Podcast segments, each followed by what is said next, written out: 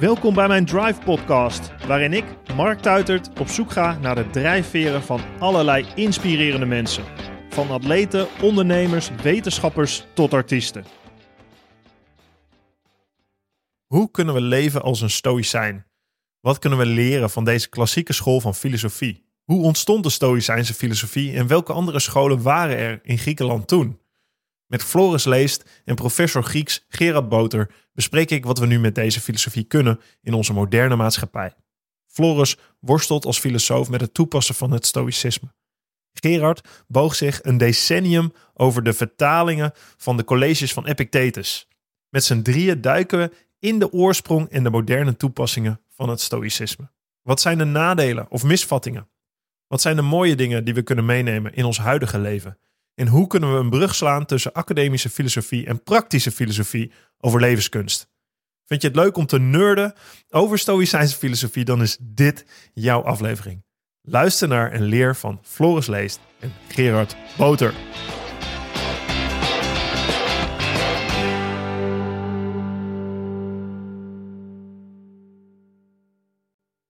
Ik heb leuk nieuws. Ik heb een nieuw boek geschreven. Flow. De Stoïcijnse mindset voor een rijkelijk stromend leven.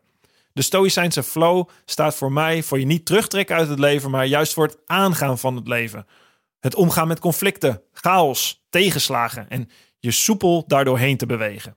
Ik haal mijn inspiratie wederom uit de Stoïcijnse filosofie, maar ook uit inspirerende ondernemers, sporters, artiesten en een aantal van mijn Drive podcast gasten zoals jullie die kennen. Irene Wust, Els van Stijn, Jozef Aubelkas, Bojan Slat, Annemiek van Vleuten. Ik hoop dat dit boek jou helpt om jouw eigen levensflow te vinden. De trainingen in flow zijn ontworpen om je eigen persoonlijke levensfilosofie vorm te geven. En ik denk dat dat nodig is, zodat je beter richting kunt vinden in je eigen leven. Wil je een gesigneerd exemplaar van Flow ontvangen? Bestel hem dan via marktuitert.nl/slash flow op mijn website. Ik hoop dat je het heel gaaf vindt. Ik vond het heel leuk om te schrijven. En ik hoop dat jij het heel leuk vindt om te lezen en dat je de trainingen gaat toepassen in jouw leven.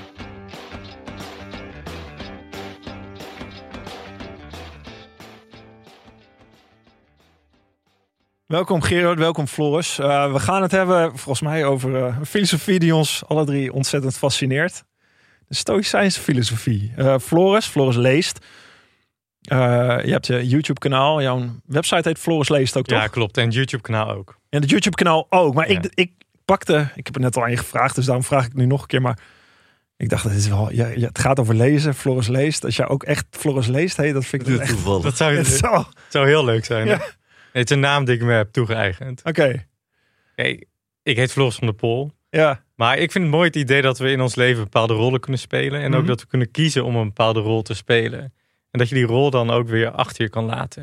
Oké. Okay. Dus als filosoof in dit publieke domein ben ik nu Floris Leest. Oké. Okay. Maar misschien ben ik dat ooit wel weer helemaal zat. En dan kan ik gewoon met een andere naam weer verder gaan. Want wie ben je naast Floris Leest? Anders dan de filosoof in het publieke domein? Papa. Allereerst. Ja? Veel kinderen? Eén kindje, Eén maar kindje? ik ben veel papa. Oké. Okay. Als in qua tijd en ja, ja, ja, ja. Hoe oud is meisje, jongen? Ava is twee jaar. Twee jaar. Ja. Alright. Uh, Gerard? Boter, dat is wel jouw echte naam. Boter, ja, ja. Ik ben er natuurlijk, Je hebt niet boter verzonnen voor iets. ik ben er in mijn leven veel mee geplaagd. Geen margarine, maar dat wint ook wel. Dus Ja. boter, boter is het, boter blijft het. Ja, jij bent uh, de vertaler van uh, de, dit juweel. Epictetus, vrij onkwetsbaar. Met Rob Brouwers samen. Met Rob Brouwers. Uh, productie. die niet meer leeft. Die heeft hij meer, dus vorig Nee. jaar overleden. Duo-productie. ehm, professor emeritus, hoogleraar Griekse taal en letterkunde aan de Vrije Universiteit van Amsterdam. Ja. Is dat een rol die je nog steeds vervult? Eh, nee, ik ben nu met pensioen, dus ik Oh. werk niet meer officieel. Dat wil zeggen, niet betaald, maar ik eh, ben nog wel steeds bezig met studie. Epictetus, maar ook andere auteurs met wie ik me bezighoud. Dus eh, Ja, het is geweldig. Ik heb, eh, nou ja, ik, eh, ik weet niet of je het in beeld kan zien, maar ik, het zou, zeg maar, ik heb nooit dezelfde kleurtjes. Ik heb overal hoekjes in staan en dingetjes en rood, blauw, alles onderstreept. Dus het is een beste pil. Eh, heel mooi. Eh, beste teken dat een boek ook echt gelezen en gebruikt wordt. Ja, ja, ik eh, sowieso alle Stoïcijnse werken die verslind ik natuurlijk. En in mijn tweede boek Flow heb jij meegelezen, waar ik je ontzettend Ja. dankbaar voor ben. Ehm, de Stoïcijnse filosofie, ja, daar ben ik fan van. Ten eerste, laat ik met jou beginnen, Gerard. Waar, Waar komt het, waarom Epictetus, waarom heb je dat vertaald? Waarom raken de Stoa jou zo? Waarom vind je dat interessant? Het was uiteindelijk heel toevallig. Ik had mijn proefschrift gedaan over de tekst van Plato's Politeia. Dus een van de belangrijkste werken van Plato. Daar was ik mee klaar en toen las ik eh, voor de aardigheid wat teksten die ik niet kende. Onder andere Epictetus in een 19e eeuwse uitgave met een uh, Griekse tekst en een Latijnse vertaling. En ja, ik kon het wel vertalen, maar ik snapte niet waar het over ging. Dus toen heb ik een uh, Engels uitgave met wat toelichtingen gekocht. En toen werd het een beetje duidelijk. En daar zag ik dat het Engeridion, het handboekje, dat ja. een heel klein werk dat dat voor het laatst in een uh, betrouwbare Griekse teksteditie was verschenen in 1798. Nou, dat was mijn specialisme, tekstenoverlevering. Dus dacht ik, ha, hier ligt een mooie taak voor mij. Daar heb ik uh, naast het werk op school ruim tien jaar mee bezig gehouden... met middeleeuwse Griekse handschriften van dat Engridion bestuderen... citaten bij anderen. Wel grappig, dat jij, wel, gemaakt. wel grappig dat jij als, als hoogleraar niets begrijpt van het Grieks en Latijn. Of wat de inhoud dan is van een Epictetus. Ja. Dat blijven lastige talen. Ook als je er uh, al je leven mee bezig bent. Ja, bijzonder. Maar wat ik zei, het, niet zozeer dat het taalkundig zo ingewikkeld was. Nee. als wel waar gaat het eigenlijk Maar de boodschap daarachter, ja, ja, ja, Wat toch uiteindelijk het belangrijkste is van Arianus, de leerling van Epictetus, die het heeft opgeschreven. Yep. Het Ingeridion is eigenlijk de samenvatting ja, dat, dat zou je dat kunnen zien? Gezegd, het zakboekje, maar... Het is naar mijn idee echt een zelfstandig werk van Arianus. Dus het is niet een soort uittreksel. Je leest het overal en altijd, maar het is gewoon niet waar. Ja. Hij heeft met het gedachtegoed van Epictetus... dat je in de colleges terugziet... Mm dat heeft hij, kun je zeggen, creatief verwerkt. En daar heeft hij dan dat handboekje uitgedust. Oké. Overigens is dit niet alles wat is overgebleven. Dit is de helft misschien, hè? Wat is overgebleven van Er is meer geweest, ja. Ja, dat is nou eenmaal zo. Klassieke literatuur, daar is maar een miniem deel van bewaard gebleven. En eh, van die colleges van Epictetus, door één enkel handschrift uit de tiende eeuw, waar alle latere handschriften weer van afstammen, is dat bewaard. Als dat ene handschrift er niet geweest was, hadden we niks van Epictetus gehad. Dus laten we blij zijn dat dit uh, zijde draadje niet helemaal geknapt is. Heel goed, heel goed. Floris, hoe, hoe is dat voor jou? Wat was jouw... Uh... Ja, als, als kind had ik helemaal niks met filosofie. Ik, ik was een van die mensen die filosofie en psychologie ook niet uit elkaar kon halen op de middelbare school. Toen had ik op een gegeven moment een vriend die ging filosofie studeren. En ik was met mijn ouders op vakantie en ik verveelde me en ik liep naar een winkeltje van een museum. Toen vond ik een boekje en dat had een overzicht van allerlei filosofen. Je moet voorstellen, er stonden veertig denkers in en dan in twee, drie pagina's werd hun leven uiteengezet. Oh ja. Als Socrates die dan... Dat is niet de wereld van Sofie? Of nee, dat niet. Maar wel ongeveer zoiets. Van Socrates die eh, die dan rondloopt en moeilijke vragen stelt. En ik dacht ineens van, er zijn dus mensen die vragen stellen. Op dat moment studeerde ik bedrijfskunde. Daar leerde je vooral hoe je uiteindelijk rijk moest worden. En ik dacht de hele tijd van, is er niet meer? Kunnen we niet belangrijkere, fundamentelere vragen stellen? Mhm.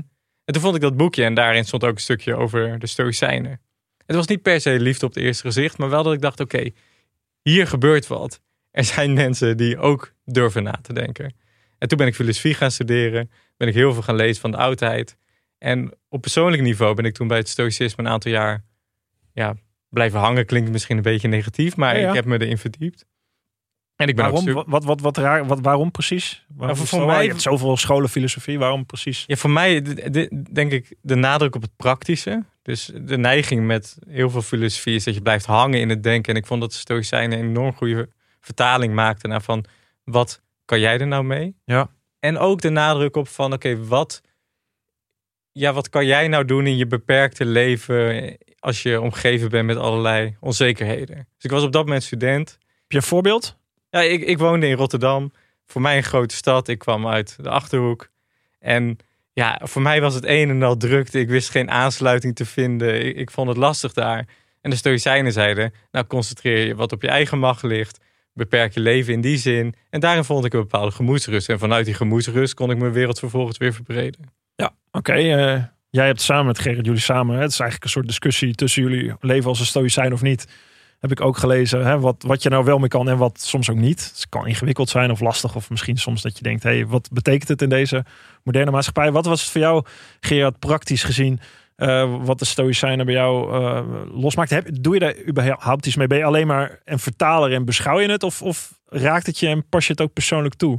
Ja, het zou raar zijn als het het eerste was. Als het je echt volkomen onberoerd laat. Dan, dan kun je niet lang met zulke soort teksten bezig blijven. Nee, dus tien jaar hè, duurde dit? Eh, die vertaling zijn we tien jaar mee bezig geweest, Ja. dus Rob en ik samen. En die editie van het Enchiridion ook een eh, zo'n jaar of tien. Dus ja, het, moet je ook wel echt raken. Anders dan, eh, dan wordt het gewoon sommetjes maken. Dan is de aardigheid er snel. En waar, waar, waar raakt Ja. het je? Ehm, ik, anders dan Floris heb ik me niet geprobeerd... me echt helemaal als, een tijdje als stoïcijn te leven. Langer of korter, maar wel proberen. En vooral, noem het met een eh, moderne term, relativeren. Het leren relativeren van dingen die je overkomen. Eh, eh, helaas leven we in een tijd dat je geen krant kan opstaan... zonder verschrikkelijk leed te zien in Ja. eh, Gaza, Oekraïne en eh Soudaan. En ga zo maar door. En wanneer je realiseert wat die mensen voor verschrikkelijke dingen doormaken... dan valt alles wat wij meemaken eh, daarbij vergeleken in het niet. Ook dingen die wij als heel belangrijk beschouwen. denk je, ja, wat stelt dat voor vergeleken met dat soort dingen? Ja. Maar ook met heel kleine dingetjes, eh, gewoon kleine ergernissen. Heb je een praktisch voorbeeld dat je denkt van... hé, hey, dit, dit is handig. Nou ja, dit is wat Epictetus eh, mij vertelt. en Wel dit een heel klein voorbeeld. Mijn jongste dochter heeft ook filosofie gestudeerd. En we hadden een eh etentje keer eens in een pizzeria. we- Voorafgaand aan avond, of een avond voorafgaand aan de promotie van mijn oudste dochter. En we zaten daar. Ik zat met spiksplinter nieuwe kleren aan, eh, lekker te eten. Ik sla mijn ene been over het andere en ik hoor. krrrt. Bleek er een spijker onder die tafel te zitten. Dus in mijn spiksplinter nieuwe broek een enorme scheur. Ik razend. En Evelien, mijn jongste dochter, zei: Maar papa. Daar ben je al tien jaar met Epictetus bezig. Je moet blij zijn dat deze scheur in je broek komt, want dit is wat het lot met je wil. Nou, dat is natuurlijk een geintje van mijn dochter, maar ze heeft wel gelijk. dus het, dat zijn kleine dingen, maar er zijn... En kon je toen meteen kon je me Jawel, oppakken? dat helpt al wel. Ja? Ja, ja, ja. We hebben onze kinderen geprobeerd op te voeden dat ze kunnen incasseren en uitdelen met plagen. En dat eh, is aardig gelukt, dat aspect van de opvoeding. Dus wij van onze kant als ouders... heel goed. Ehm, nou, dat kunnen we misschien ook nog even over hebben als we allemaal kinderen hebben om, eh, om dat Ja. erin te gooien. Waar ik eigenlijk een beetje naartoe wil is dat we, hè, dat, dat, daar, daar hebben jullie ook een discussie over gevoerd. Daar gaan we zo meteen heen. Hè. En ook wat jij noemt, hè, de, de dingen die in de wereld gebeuren, hoe kunnen we daar naar kijken? Ehm, door een stoïcijnse bril, wat is dat überhaupt? Eh, heden ten dagen. Het is natuurlijk een klassieke filosofie geboren in Griekenland. Overgenomen eigenlijk door de Romeinen. Daar zijn de werken, of de meeste werken van overgebleven die we nu kennen. Ehm, en daar leunen we op. Dus nou ja, voor mij ook. ik, ik zie het als inspiratie ook om misschien daar zelf wel dingen of aan toe te voegen of af te halen. Dat is maar de vraag. Vind ik leuk om eh, daarop uit te komen. Maar ik denk wel dat het belangrijk is eh, om het in een tijdsgevricht te plaatsen. Eh, en dan kijk ik eerst even naar jou, Gerard. Hoe, kun, kun jij duiden hoe die Stoïcijnse filo- filosofie ontstaan is? Waar, in welke periode en waarom? Ja, het is, je zit dan zo rond 300 voor Christus. En dat is in politiek opzicht een heel belangrijke overgangsperiode. In de tweede helft van de vierde eeuw, of halverwege de vierde eeuw, was Griekenland verdeeld in een heel groot aantal zelfstandige stadstaten, noemen ze het, polijs, die vooral onderling oorlog aan het voeren waren. In die tijd kreeg je Philippus, van, koning van Macedonië. Athene, Sparta, eh. Athene, Sparta, dat zijn de belangrijkste, Ja. maar er waren er veel en veel meer. Nou, Philippus van Macedonië, die wist het zo handig te spelen dat hij die hele Griekse wereld wist te veroveren. Dus hij maakte gebruik van de verdeeldheid van die Griekse polijs, van die Griekse stadstaten en zei, zo gaan we het doen. Hij werd op een feest vermoord en zijn zoon Alexander, Alexander de Grote, die naam kennen we allemaal, Uiteraard. 18 jaar oud, kreeg toen dat, eh, dat, dat rijk, moest hij overnemen van zijn vader. En hij bleef er niet bij om dat tot die Griekse wereld te beperken. Hij ging het hele toen bekende Oosten zo'n beetje veroveren. Dus vooral Perzië, dat was al anderhalve eeuw de grote tegenstander van, eh, van de Grieken. Dus daar ging hij naar het oosten. Hij stierf dan jong, in 323, 33 jaar oud... en liet een enorm rijk na. Dus die overgang in politiek opzicht was gigantisch. Aan de ene kant werd er dus een soort eenheid afgedwongen in Griekenland. Aan de Ja. andere kant werd de horizon veel en veel breder... dan die lang daarvoor geweest was. Mhm. En dat is dan... Ik altijd speculeren van wat deed dat nou met de geesten van de mensen. Maar het is niet onwaarschijnlijk om te zeggen... dat mensen in deze enorme overgangsperiode... vormen van houvast wilden hebben. Het is een beetje natte vingerpsychologie. Ja. Ik zeg het er meteen bij. Ja, maar we komen uit de tijd van Socrates. Eh, Ja. Dat was de, of de bloeiperiode in, in, in het oude Athene. Ja. Met eh, de Agora, ik ben ook geweest. Dat- waar daar alles speelde. De democratie, handel, et cetera, et cetera. En dan komt eh, Alexander de Grote natuurlijk. En dat is in de tijd van Aristoteles. Die daar na Plato, zo- hè, de, de, de, de grote Griekse denkers die daarna Ja. komen. En da- daarna is echt een soort gang van de, de Stoïcijnen, vind ik. Naar een soort terug, terugkeer naar de praktijk, terugkeer of naar Socrates, naar, naar een soort grondbeginselen. Of, Ja, dat is een beetje een vertekend beeld, historisch Ja? gezien. Want eh, wat wij, en dat, je noemde het al... eh, Vul aan, hè, Floris, als je wil. Nou, kijk, wat ik nog zou willen zeggen is dat ze allemaal een beroep doen op Socrates. Ja. Dus wat je ziet is dat er verschillende filosofische en stromingen ontstaan. En dat ze eigenlijk allemaal zeggen, wij zijn de ware leerlingen. Cynici, de epicuristen, et cetera. De, de Ja. sceptici en zeggen allemaal, wij zijn de ware leerlingen van Socrates. Maar ga, ga verder. Jazeker, ja, ja. Nou, dat geldt voor de Stoïcijnen net zo. Er is recent een boek eh, verschenen en, eh, van twee eh, Engelse onderzoekers over het Enchiridion van Epictetus. En die beginnen hun hoofdstuk over de geschiedenis van de Stoa met de stelling: Socrates was de eerste Stoïcijn. Ja. Nou, historisch klopt daar geen bied van, Ja. maar inhoudelijk, zoals eh Floris aangeeft wel. Want alle filosofen na Socrates, nou ja, vrijwel allemaal, die grijpen terug op Socrates Ja. en willen zijn lijn voortzetten. Ja, maar ze volgen allemaal net weer een iets andere lijn. Ja? Precies, dat is het ja. interessante. Dus Ja. een soort spanningsveld dat iedereen zegt, wij zijn eigenlijk de ware Het zijn leerlingen eigenlijk de leerlingen van. Jezus bijna, Ja, die ja, gewoon hun eigen, eigen gang gaan. Ja, allemaal een eigen zuilen beginnen en net Ja. wat andere accenten. En voor ons, kijk, als we ze nu lezen, de Epicureërs versus de Stoïcijnen, dan, dan lijkt dat heel ver uit elkaar te liggen. Maar als je dat vergelijkt met die twee stromingen die tijd, met ja, hoe wij nu leven, Ja. Ja. ligt het allemaal best wel dichtbij. Ja, ze hebben het allemaal eigenlijk op, over karakter en het cultiveren van karakter. Alleen Ja. wat belangrijk is en wat niet, daar is discussie over. Eh, Zeno, de oprichter van de Stoïcijnse school, die komt als die schipbreuk leidt in Athene. Althans, dat is het verhaal. Hè. Dat is, of dat exact waar is, dat weten we natuurlijk ook niet. Ehm, die komt in de straat eh, een, boekhan- een boekhandelaar tegen. En eh, hij wordt op het spoor gezet van Krates, een Ja. cynische filosoof. Eigenlijk waar de Stoïcijnen misschien wel het meest schatplichtig gaan zijn aan de cynici. Ja. Krates, eh, die samen het is ook nog een mooi verhaal met zijn vrouw Hipparchia, die, Ja, die eigenlijk. Ja. In het boekje zeggen we het ook, daar is een heel leuk eh, graphic novel van verschenen. Oh ja? Barbara Stok. Vorig jaar verschenen. Ja. Ik kan het zeer aanbevelen. Maar dus de cynici, dat, dat, dat is eigenlijk de, de, de eerste kennismaking van, van Zeno met filosofie wellicht. Eh, wat, dat, maar die zijn wel belangrijk, hè? De, Ja. de, de cynici in het ontstaan. Kun je, kun je of jullie allebei, hè? Wat, waar- wat, is, wat maakt de cynische school zo Zal cynisch? Kijk, de, de cynische school, die zeiden we moeten leven in overeenstemming met de natuur.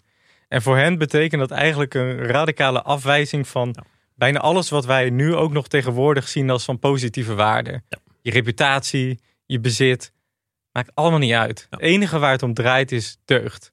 En de beroemdste, Cynicus, is Diogenes van Sinope. En over hem bestaan, alle, bestaan allerlei beroemde anekdotes. hele mooie verhalen? Ja. Ja, zo liep hij alleen in zijn mantel. En dan had hij ook nog een drinkbeker. Ja. Toen zag hij een jongen uit zijn handen drinken. Toen dacht hij, oh, die drinkbeker heb ik ook niet nodig. Ja. Dat is overbodige luxe. Zo probeerde hij dus terug te gaan nog, naar... sorry dat ik maar ik vind nog een mooi verhaal dat hij eh, op een, een berg loopt en dat hij keihard een steen de berg op rolt, toch? En eh, dat die mensen vragen wat, omdat er een leger aankomt en die, die mensen in die stad raken in paniek, in paniek, help, help. En hij laat gewoon op de berg rustig op en neer met die steen. Dat ze vragen, wat ben je godsnaam aan het doen? Hij zei, ja, dit is net zo nutteloos als wat jullie doen, in paniek raken omdat er een leger aankomt.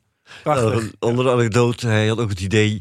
je moet helemaal zelfstandig zijn. Ja. Dus eh, zichzelf genoeg, als het ware. Ja. En men vertelt dat hij dan in het openbaar op de Agora in Athene zat te masturberen. Ja. Ook onder de kreet van zichzelf genoeg. Met andere woorden, ook voor mijn seksuele bevrediging heb ik niemand nodig. Man of vrouw, kan ik ook. Nee, ze hadden echt scheid aan alles, die, die, die, Echt. die, die cynici. Echt. Want het gaat ook, Krates was dan eh, de opvolger. eh, en Ja. die, die, had, die had openbaar seks met zijn vrouw Hipparchia, toch? Die ook cynici, Ja. of cynisch filosofe was. In die zin was het al heel, Ja. misschien modern. Alleen ze waren een beetje, ze gingen heel ver hierin, hè? Iets minder praktisch wellicht. Nou, ze gingen heel ver. Maar wat je ziet is, bij, zeker bij de vroege Stoa... kijk, het is heel moeilijk om te reconstrueren. Ja. Hè? Dus wat wij lezen is van Epictetus, zoals Gerard heeft vertaald... Marcus Aurelius en Seneca en Musonius Rufus. En van, van die mannen hebben we... Romeinen. ja, van die Romeinen hebben we hele boeken overgeleverd gebleven. Maar van de Stoa van daarvoor, die eigenlijk het meeste filosofische werk hebben gedaan, hebben we vooral fragmenten. En niet eens zozeer omdat ze ze zelf hebben opgeschreven, maar vaak omdat iemand bijvoorbeeld kritiek op het stoïcisme leverde. En dan moeten we uit daaruit moeten we dus soort van opmaken wat die stoïcijnen hebben gezegd. En dan zien we bij Zeno ook dat hij een werk heeft geschreven over de ideale samenleving. Waarin hij ook lijkt voor te staan dat iedereen met iedereen seks mag hebben. En aan andere soorten vrijheden. Dus daarin zie je heel erg nog dat Ja. cynische ideaal. Ja. Waarvan ik zou zeggen dat dat later steeds meer verwatert. Ja. Zeker als we kijken Het was naar ook wel de ideaalstaat die hij beschreef. Dan in principe in een staat van wijze mensen. Maar- Zou ja, niemand ja. jaloers zijn. Zal niemand negatieve emoties ervaren. Dus ik kan ook in principe alles. Omdat niemand daar principe negatief door geraakt wordt, toch? Dat ervan uitgaande dat iedereen uiteindelijk die mogelijkheid zou beschikken om Ja, maar in ultimo of, wijs te zijn. of het een staat is van alleen maar wijze mensen, dat is weer discutabel. Maar dan zit je echt weer helemaal in die Ja. fragmenten en Ja. hoe dat vertaald moet worden. En dat is, dat is de moeilijkheid. Dan kom je heel snel op een soort ja, taalkundige speculatie uit.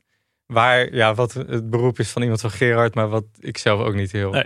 interessant vind. Ah, Zeno was de, de leraar die in hoog aanzien in Athene eh, werd gehouden, les gaf eh, en een ontwikkeling doormaakte eigenlijk hè, van de cynici. En hij ging te leen bij andere filosofische scholen, bij de mechanische scholen, bij, bij, eh, bij, bij allerlei scholen toch? Hij maakte Ja. er een soort, ja, misschien ging hij daarom wel terug naar het geheel. Hij was eigenlijk niet iemand die per se één school aanhing, maar daardoor misschien wel zijn eigen school startte. Ja, dat, ook dat, ja, niemand leeft op een eiland. En iedereen die bepaalde gedachten ontwikkeld heeft een bepaalde voorgeschiedenis. Ja.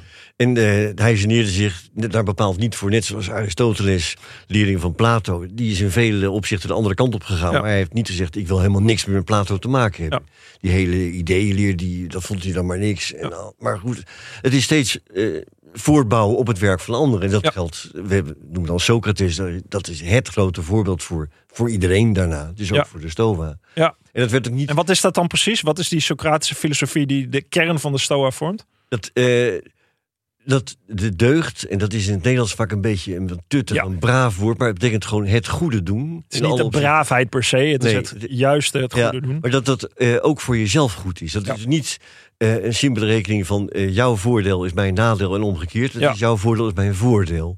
En hij, Plato, dus een van de bekendste auteurs van wie we weten wat Socrates leerde.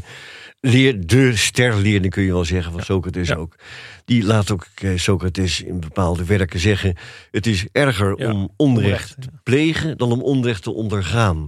En als je onrecht pleegt, is het erger om niet gestraft te worden... dan om wel gestraft te worden. Want door onrecht te doen, Ja. breng je jezelf schade toe. Ja, dus het gaat heel erg wel over jezelf als uitgangspunt in Ja. het Ja. juiste doen. Niet alleen omdat het ten nadele is van anderen, maar ook Ja. voornamelijk ten opzichte van je eigen karakter, van jezelf, Ja, toch? zeker. Ja. En dat hangt volledig samen met kennis.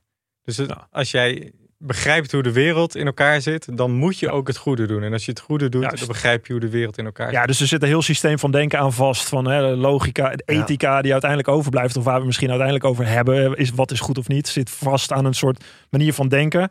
Aan het logisch redeneren. En aan een wereldbeeld. Aan de fysica. Ja. Precies. Fysica, de logica, de ethica. Maar hier heeft de Stoa een enorm belangrijke stap gemaakt. En dat heeft mijn jong overleden leermeester Siem Slings heel mooi uiteengezet. Hij zegt, eh, Socrates leer van de deugd eh, is voldoende om eh, gelukkig te worden. Mm. En deugd is kennis, zoals Floris terecht aangeeft.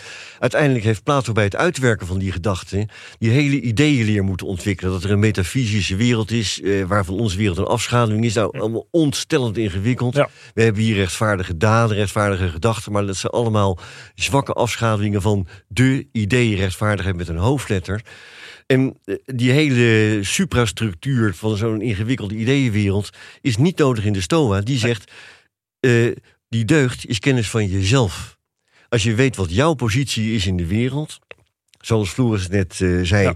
het leven volgens de natuur. En de natuur, dat begrip wordt dan opgerekt tot leven volgens de reden, volgens wat de goden willen, volgens het verstand enzovoort. Als jij jouw plaats erin kent en beseft dat jij een radertje bent binnen het grote geheel, dan is dat voldoende. Dus Ja, Het je is bent al- slechts een toneelspeler in het spel, Ja. zou Epictetus Ja, zeggen. En eh, jij, hebt een, jij bent niet de regisseur. De regisseur is het, ja, ja, noem het God of eh, Zeus of de ja, oude Grieken. Noem het eh, het lot. Noem Ja. het hoe je het wil. Eigenlijk een soort natuurlijke ja, reden die wij misschien niet eens zelf kunnen snappen, maar Ja. waar we aan onderworpen zijn. nou ja, die we niet eens zelf kunnen stappen. Het is de kunst om je best te doen om het wel te gaan Ja, snappen. precies. Dat is het streven van Ja. De filosoof. Ja. En filosoof, je weet, betekent eh, houden van wijsheid Ja. en nog niet wijs zijn. Nee, maar daarom moeten we wel begrijpen hoe de natuur werkt. Dus in principe Ja. wetenschap, Ja. natuurwetenschap, feitelijke Oh. kennis is heel erg van waarde om, om te snappen wat er gebeurt. Nou, En logica is Zeker. überhaupt, eh, hè, daar heeft Epictetus nog een mooie quote over. Toch? Ja, ja. Dat je überhaupt logica nodig hebt om te Ja. weten dat logica belangrijk is. Of niet, maar eh, je Ja. kunt niet zonder logica, welke kant Ja. je ook op wilt. Ja, dat vind ik het fascinerend van de Stoïcijnen, los van dat het een praktische filosofie is. Dat het een soort integrale visie is waarin alles met elkaar samenhangt in een groter, groter geheel. In een, in een, denkbeeld. En dan kom je op een hele filosofische discussie eh, kun je uitkomen. Oké, de Grieken. Hè, da- da- daarna krijg je de leerlingen of, eh, van Zeno, Chrysippus, onder andere Cleanthus daarvoor, die het uitwerken. En dan wordt het eigenlijk na een tijdje zijpelt die Stoïcijnse filosofie het Romeinse Rijk in. Ehm, en helemaal in de Romeinse Republiek met de keizer. Nou, de eerste keizer Augustus had volgens mij al eh, leraren filosofie die hem in de loop van zijn leven ook onder andere Stoïcijnse filosofie leerde. Grote voorbeelden natuurlijk met Epictetus, Musonius Rufus, die de leraar was van, eh, van Epictetus. Eh, waarom is juist de Stoïcijnse filosofie zo populair geworden, ook in werken in, in het oude Rome? Waarom, waarom werd dat ongetwijfeld ook naast andere filosofieën, maar waarom juist die Romeinen die die filosofie omarmen, denk je? Eh, jij, eh, Ja? Ja, ik denk deels door een nadruk op, op plicht. Ja. Dus eh, dat past heel goed binnen een, toch een hele hiërarchische samenleving.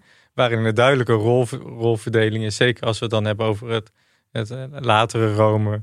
Eh, iemand, je schrijft zelf ook over Marcus Aurelius. Dat hij onbedoeld keizer wordt. Ja. En daar, daar het zich eigenlijk bij neerlegt. Maar tegelijkertijd zit ook al een spanning in. Want we zeggen ook de hele tijd van, je bent volledig vrij. Had hij dan ook die rol kunnen afwijzen? En ik, ik denk dat, eh, ja, dat in die tijd van Rome heel erg een idee wel zat van... oké, je hebt een bepaalde rol en die rol moet je zo goed mogelijk vervullen. Ja. Dat daar echt een aansluiting zit bij het, Ja. bij het stoïsme. En heel erg gericht op waarde. Hè? De, inderdaad, eh, ook een soort heroïsche heroïek ergens achter. Een soort, soort edelheid. Het Romeinse, eh, alleen al het spreken van de Romeinse Rijk, die waren ook bezig met het soort van... ja, het uitdragen van hun denkwereld en aan de hele wereld. Eh, kijk, daar, er zit misschien een soort moeilijkheid. Want kijk, het stoïcisme is wat we noemen een cosmopolitische Ja. filosofie. zijn wereldburgers. zijn wereldburgers. En dat zie je dus ergens terug in het Romeinse Rijk met het idee van de hele wereld behoort misschien aan ons toe. Ehm, maar dat vind ik zelf een van de moeilijkheden. Er wordt wel oorlog gevoerd Ja. te- tegen andere volkeren. Van oké, we accepteren dat de ander volledig mens is, maar het zijn wel barbaren. En op het strijdveld moeten wel worden afgeslacht. Ja. Maar het stoïcisme past daar prima bij, want Ja. je hebt de rol te vervullen als, als Romeins generaal. Die Als moet- soldaat. als soldaat. Socrates was een soldaat in het eh, Griekse leger. Ja. Socrates vocht ook gewoon Ja. tegen de eh, Spartanen. En Mhm. eh, heldhaftig ook. Ja, dat is het toch. Als je dan je rol als soldaat ook vervult in het, in het leger, dan, dan, dan, is het, dan moet je je rol ook als een heldhaftige Ja, dan, soldaat dan moet vervullen. je Dan zo kan je niet laf handelen, niet... Eigenlijk kom je bij de vier kardinale deugden uit, toch? Ja. Eigenlijk die ook leen zijn aan, aan Socrates, matigheid of zelfdiscipline, wijsheid, praktische wijsheid dan iets Ja. meer, rechtvaardigheid en moed. Eh, dat dat de karakterwaarden zijn die, die een soort ja, nastrevenswaardig zijn. Ja, het is dus geen pacifistische filosofie. Nee. Ook al zijn ze voor dingen als rechtvaardigheid. Op het moment dat jij als soldaat daar op het slagveld staat, moet jij je rol vervullen. Is daarom ook niet dat het in eh, Rome, met name bij de heersende macht of de heersende klasse, de, de, de legerleiding, de politieke leiding, het heel erg aansprekend is? Want je hebt natuurlijk de Epicuristen, die in het Romeinse Rijk ook best wel populair waren. Die trokken zich eigenlijk meer met vrienden terug in de tuin en een beetje wijn. Je zou kunnen zeggen, prima leven. Lekker met je vrienden in een tuin Ja. wijn drinken en het juiste doen. Maar je niet bemoeien met de goden, want dat is niet aan ons. Je niet bemoeien met politiek, is ook niet aan ons jongens. Eh, we we gaan plezier maken met z'n allen hier zou je kunnen zeggen dat is, eh, dat is ook zou een prima levensopvatting natuurlijk kunnen zijn. En aan de andere kant is juist het stoïcisme de plichtsgetrouwe filosofie meer. Dat we zijn al- zijn als mens volgens mij gemaakt, wat de stoïcijnen zeggen, om rationeel ons, hè, we kunnen reflecteren. We kunnen überhaupt nadenken over logica en ethica en, en fysica. En we zijn sociale dieren. Dus we hebben een soort ons te verhouden ten opzichte van anderen. Ten opzichte van onze plek in de maatschappij. Eh, dus dat houdt in dat we ook politiek bedrijven. Dat we een soort maatschappelijk, maatschappelijke positie nastreven. Dat we ook ja, onszelf eh, tot plicht voelen om te handelen als, als er onrecht gedaan wordt. Om dat recht te zetten op zo'n manier. Is dat... Jazeker, ik heb het helemaal met uh, Floris eens in het opzicht dat het idee van plicht, dat, dat de Romeinen erg aangesproken moeten hebben. Ja. Ook die hiërarchie van eh, iemand bepaalt wat er gebeurt. Nou, dat kun je dan transponeren naar wat we zojuist zeiden, het lot of Zeus of de oppergoden enzovoort. Eh, die bepalen wat er hier op aarde gebeurt. Net Ja. zoals een legeraanvoerder bepaalt dat eh, de cohort eh, naar links of naar rechts gaan. Je hebt te doen wat je wordt opgedragen, je hebt je rol te vervullen. Maar dat- dat, wat er zo interessant aan is, kijk, Ja. twee van de grote stoïcijnen die we overgeleefd hebben gebleven, hadden een hele prominente rol in de maatschappij. Marcus Aurelius was keizer en Seneca was senator. Dus van hen kan je zeggen, ja, het is makkelijk om stoïcijn te zijn en in te stemmen met je moet je rol vervullen, want je staat bovenaan de piramide. Maar dan hebben we Epictetus en die had een hele andere rol Ja. in de maatschappij. Slaaf. Hij was geboren als zoon Geboren van een slavin. Ja. Dus in het tegenwoordige Turkije. Toen is hij naar Rome gekomen. Is hij een tijd lang slaaf geweest aan het hof. Of ja, aan het huis van een zekere Epaphroditus. Dat Ja. was dan weer een eh vrijgelatene van Nero. Die hem op zijn beurt weer ook heeft vrijgelaten. Maar terwijl hij nog slaaf was, kon hij colleges volgen bij eh, de naam Vilal. Bij die Musonius Rufus. Ja, hij had het geluk in die zin dat, Ja. dat, dat hij daar in het hof ergens eh, met die filosofie in contact kwam. Ja, ja, dus eh, in dat opzicht zie je dat het niet alleen maar de, de mensen met een miljoen op de bankrekening zijn en met een toppositie in de maatschappij die zich met filosofie kunnen bezighouden. Ook iemand als Epictetus, slaaf, kon dat ook. Ja, en eh, hij wordt een van de beroemdste leraren van zijn tijd. Ja. komen toch over de hele wereld Ja, mensen ja. naar hem toe. Eh, hij wordt uiteindelijk verbannen uit. Dat is het lot natuurlijk dat heel veel Stoïcijnen... Ja, op een gegeven moment heeft Domitianus eind eerste eeuw na Christus alle filosofen eh, uit Rome verjaagd. En, Volgens mij Rufus is wel eens verbannen. Seneca. Ede, allemaal worden ze op een gegeven moment wel een keer verbannen. Ze zijn lastig, die filosofen. Ze spreken zich uit.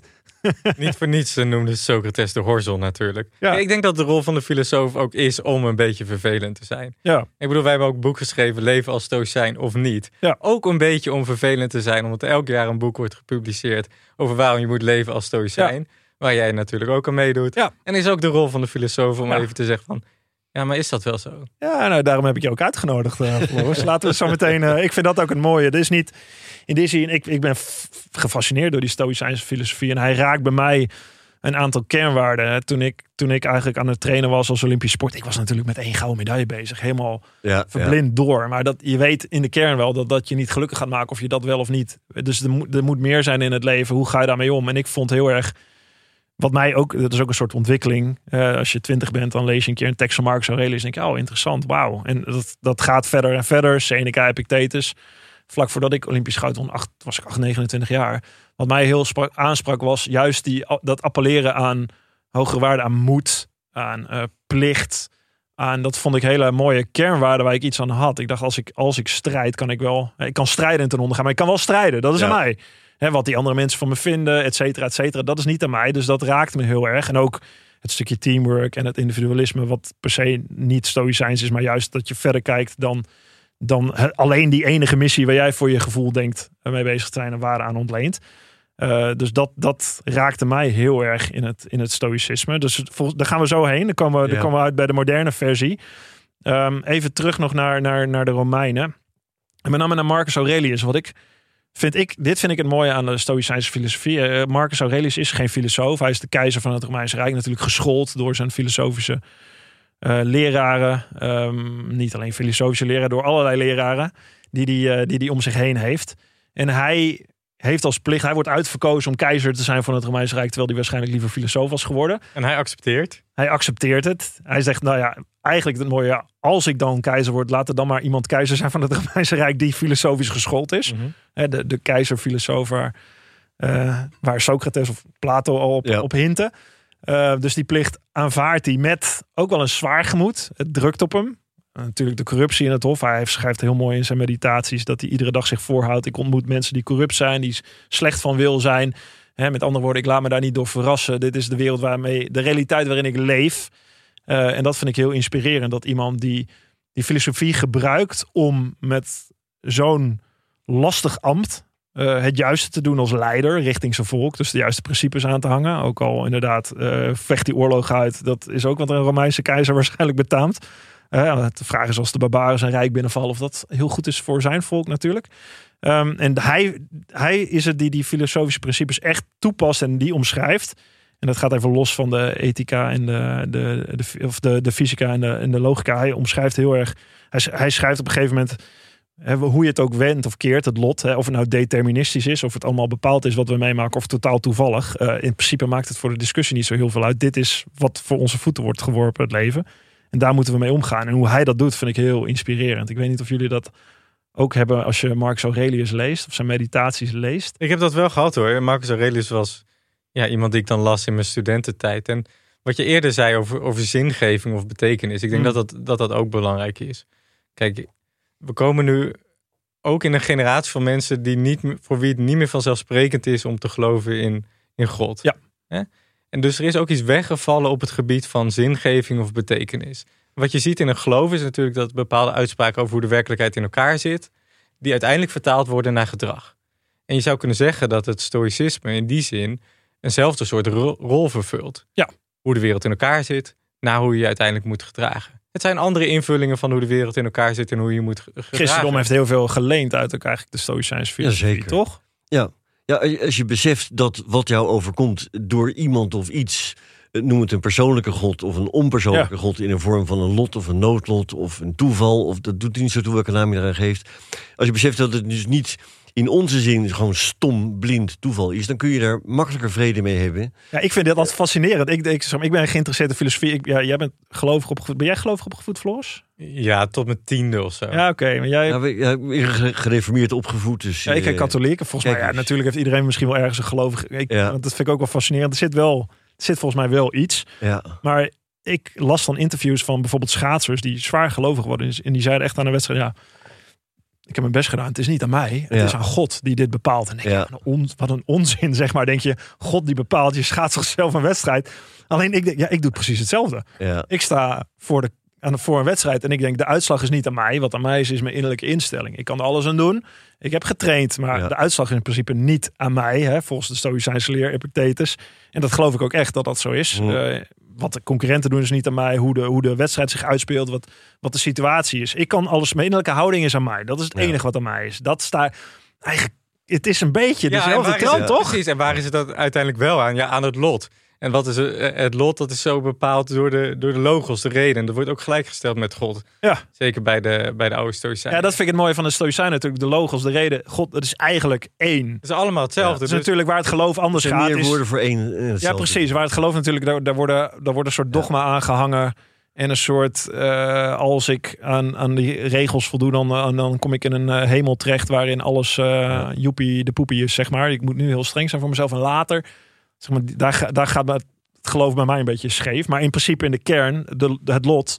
Ja, en het uit handen geven. Als jij Ja. daar stond voor die 1500 meter en dacht het is aan het lot. Ja, dat is inderdaad niet heel anders dan het is aan God. Ja, maar dit vind ik het mooie van de, het stukje logica wat hier, als je er logisch over nadenkt, hè, ik noem het in mijn, in mijn boek eh, Omarm je lot en heb het, heb het lief, of het, het amorphatus stukje waar, waar, waar Nietzsche dan mee zit. Maar Mm. wat, wat ik het fascinerende vind van logica is dat je als je als je goed of als je wilt leven met gemoedsrust, wat in principe ook eh, een doel is, dat je negatieve emoties naast je kan neerleggen, dat je daar vrij van bent, dus dat je ook vrij bent om heel veel plezier, lol, et cetera te varen. Daar, dat, daar staat stoïcisme ook wel voor, voor in mijn opzichten. Dat je als je daar logisch over nadenkt, heb je geen andere keuze dan dat lot te accepteren. De andere logische keuze is om er tegen te vechten Ja. je te verzetten tegen wat de realiteit is. Je verzetten tegen wat er gebeurt. Dus de logische, meest wijze, praktische wijze keuze om te maken, is om je eraan over te geven. En als het kan, het ook nog lief te hebben. Dat is in principe de logische keuze toch die je hebt in je leven. Ja, en wel, kijk, wel het over Marcus Aurelius en, en of, of dat ons aansprak. Ik weet nog dat ik dat las en het eerste hoofdstuk gaat hij iedereen bedanken. Ja. Ja. Weet je dat nog? Ik vond dat Ja, ja. heel raar toen ik dat voor Vond je het dat raar? las. Ja, want ik had er nog niet veel van stoïcisme gelezen en ik hoorde van mensen van, ah, dat is echt een geweldig boek. Het eerste hoofdstuk is een en al bedank voor mensen. Ik- Alleen maar eh, Ja. ja. dankbetuigingen, Ja. het voorwoord. voor aan zijn familie, aan, wat, aan, ook aan de goden. Dat weet ik niet meer. Ik dacht het wel, maar ook van, eh, dank aan Dus die die. adoptief hij vader, mij- niet zijn adoptief grootvader, Rianus. Die, Ja. eh, Maar ook dat iemand zegt, ik bedank hem dat hij me met de teksten van Epictetus in aanraking heeft Ja. gebracht. Dat eh, Ja. noemt hij ook. ja, zijn, eh zijn Rusticus, volgens mij, Junius Rusticus, Ja, ja, zijn leraar, ja. Die, eh, die hem een kopie geeft van, Ja, van die van het door jou vertaalde... was niet deze. Dat was eh, waarschijnlijk misschien wel een van de originele teksten. Nou ja, Misschien ik denk dat deze er ook bij gezeten hebben. ja. Ja, Ja, alleen niet in het Nederlands uiteraard. nee. En daar zit dan ook een besef van alles wat voor je gekomen is. Mm, Dus ja, het idee van een soort dankbaarheid ten opzichte van het verleden. Dat jij het niet allemaal zelf hebt gemaakt. En dat je in die zin niet een eh, ja, product bent dat zichzelf eh, ja, aan zijn haar omhoog kan trekken uit het moeras. Ja. maar Dat, dat vond jij vreemd? Nou, ik vond het toen bij de eerste aanraking vond ik het vreemd. Later begon ik het te begrijpen. Maar kijk, geen enkel modern boek begint met een dergelijke lange dankbetuiging. Dan zegt elke redacteur, weg ermee. Van eh, dat vinden mensen saai of wat dan ook. Als je nu op Netflix een serie begint met 30 seconden credits, klikken mensen al op next. Ja, ja, Ik ben ook een kind van onze tijd. Ik dacht een hoofdstuk lang eh, dankbetuigingen. Wanneer eh, komt dat echte werk En nou misschien is dat het voordeel dat Marcus Aurelius het waarschijnlijk voor zichzelf schreef. Dus dat er geen redacteur aan te pas kan. Nou, absoluut. En, maar later begin je het te begrijpen van... oké, dit is ook onderdeel van die filosofie. Ja. Ja, dat hij dankbaar is om. Ja, hij heeft een briefwisseling met Fronto, een van zijn leraren, die, die ook is uitgebracht voor, voor de meditaties, waar hij ook ontzettend dankbaar overkomt. Ja. Dat hij heel, heel, heel nederig eigenlijk richting zijn leraren. Heel leergierig ook, zoals hij gezien wordt. En goed van karakter. Anders, hij werd al verkozen door zijn adoptief grootvader om eh, keizer te worden. Dus als jochie zat Dat er is al iets in. gewoonte een eeuw lang. hè. Dat ging heel goed tot Ja. Marcus Aurelius zelf eh, zo stom was om zijn zoon tot keizer. eh, Ja, dat is, de, dat is het. Ja. Maar kijk maar naar Gladiator. Dat is Kom maar dus, eh, de, de, een van de weinig overgebleven kinderen van Marcus Aurelius eh, wordt verkozen door Marcus Aurelius om keizer te worden. En dat wordt een soort Nero, een soort despoot, ja. waanzinnige. Ja, dat Ja, is En je noemt Nero, hè? Ja. Nog iemand die Stoïcijnse les heeft gehad. Van, van eh, Seneca. Seneca. Seneca. Ja. Dus dat is ook een van de moeilijkheden van in welke mate ja, leert filosofie iemand nou echt beter leven?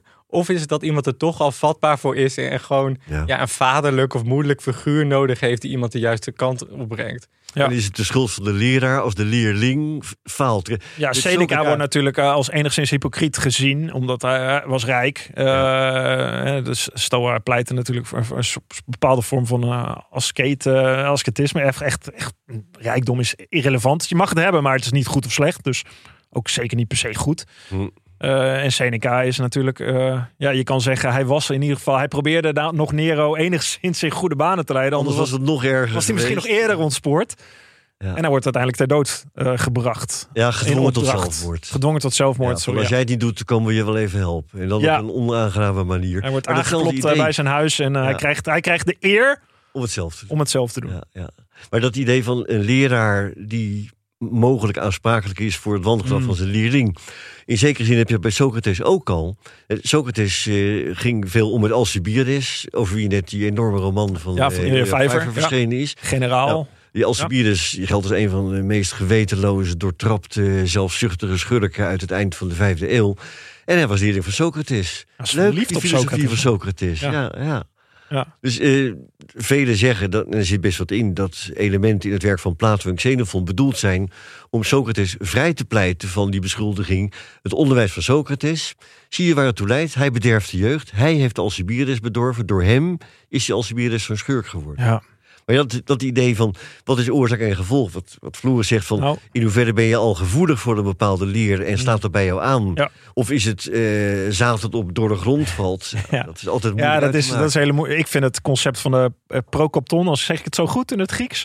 Procoptoon. Procopton, de, de, de leerling. eh, in, in die zin spreekt dat, vorderingen maken. die vordering Ja. maakt, spreekt mij zeer aan. De, de oude Stoïcijnen zouden misschien zeggen: je bent goed of slecht, je bent wijs of niet wijs.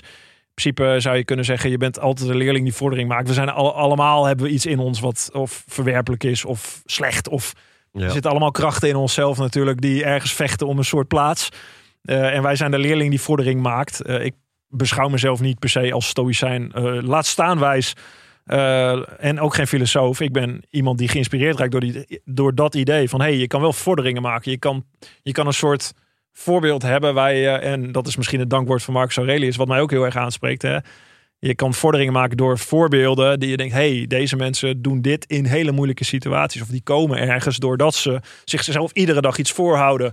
eh, om beter te leven. Of iedere dag naar bed gaan en denken van... nou, dit was een mooie dag. Ik heb de dingen gedaan die ik waardevol vond om te doen. Ik heb me niet laten verblinden door externe dingen, externe zaken. Zo, Dat was vrij algemeen. Niet alleen bij de Ja. Stoa, maar in het algemeen bij filosofie. Hm. Je noemde net van Marcus Aurelius was geen eh, beroepsfilosoof. nee, Tenminste, het woord beroeps gebruik je niet, maar zo zou je het kunnen opvatten. Ja. Maar eh, filosofie was in de, in de oudheid niet iets voor alleen maar de universiteit. Het was Ja. echt bedoeld als manier van leven. Dus het, het hoorde gewoon bij de standaardopvoeding, natuurlijk alweer van de mensen die het zich konden permitteren, Ja. dat je je ook met filosofie bezig hield. ja, eh, als je het over Socrates hebt met zijn vrienden, dat waren Ja. de symposia toch? Maar Ja. er kwam wijn bij en niet eh, te weinig ook. Ja. en er werden de concepten op tafel Zeker. gegooid als rechtvaardigheid, als liefde, et cetera. Ja, en dat is misschien alweer een, antwoord, een, tweede antwoord op je vraag. Waarom vonden de Romeinen het nou zo, eh, Hmm. zo'n prettige filosofie? Het was praktisch toepasbaar. Je kon er gewoon meteen wat mee. Ja.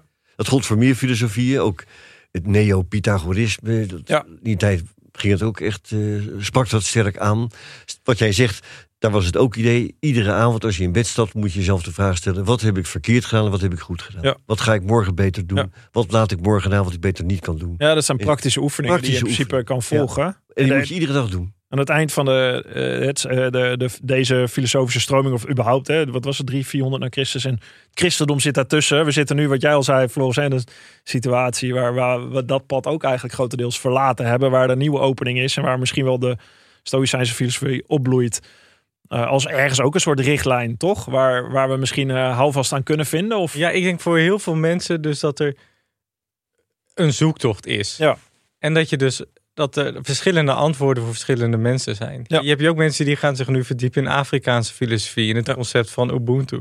Ja. Je hebt mensen die eh richten Boeddhisme. ja, boeddhisme.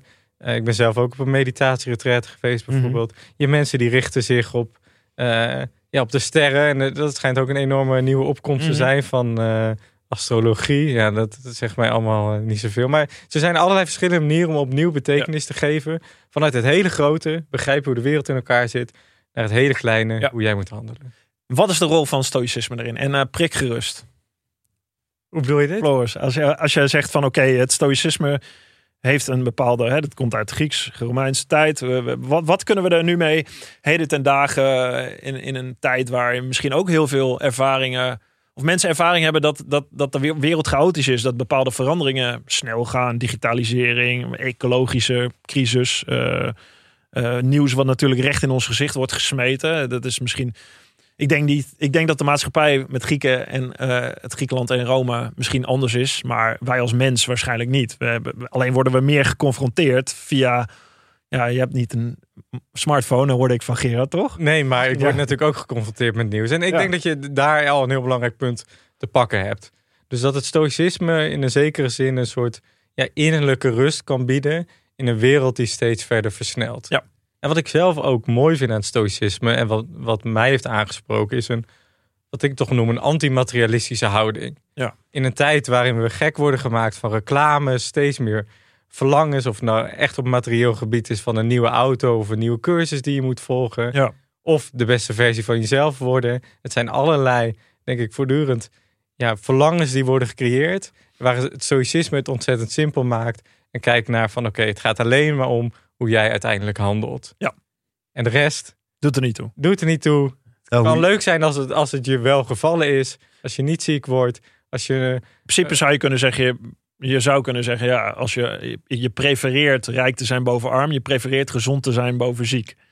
Dus los van dat het ethisch goed of slecht is, het is niet goed of je gaat van rijkdom waarschijnlijk niet gelukkiger maken, maar je zou het kunnen prefereren, los van of het ethisch goed of slecht is. dat zouden de stoïcijnen inderdaad zeggen. Ja. En ik denk dat dat een houding is die veel mensen aanspreekt. Ik, ik ben het er niet helemaal mee eens. Ik denk dat de stoïcijnen daarin wat overdrijven.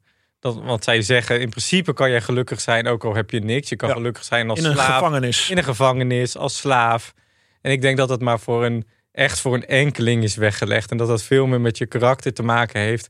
dan dat dat te maken heeft met een bepaalde levensfilosofie... die iedereen kan leren. Ja, je zei net, eh, Floris, en dat is wat mij betreft voor de helft goed. Het gaat er uiteindelijk om hoe je handelt, dat is één. Maar ook niet alleen hoe je naar buiten toe handelt, ook hoe je. Klinkt een beetje naar binnen toe handelt. In de zin van hoe je voor jezelf omgaat met dingen. Hoe Ja, dingen- absoluut. Dat versta ik ook onderhandelen in die zin. Oh, goed, dan Ja. zijn we het eens. Ja. Ja. Ja, dat spreekt me ook aan. Want ik, volgens mij, zo lees ik het. De enige, het enige wat echt aan jezelf is, in je, is je interne instelling. Ik noem het stoïcijnse mindset, noem het zoals je wilt. Maar Ja.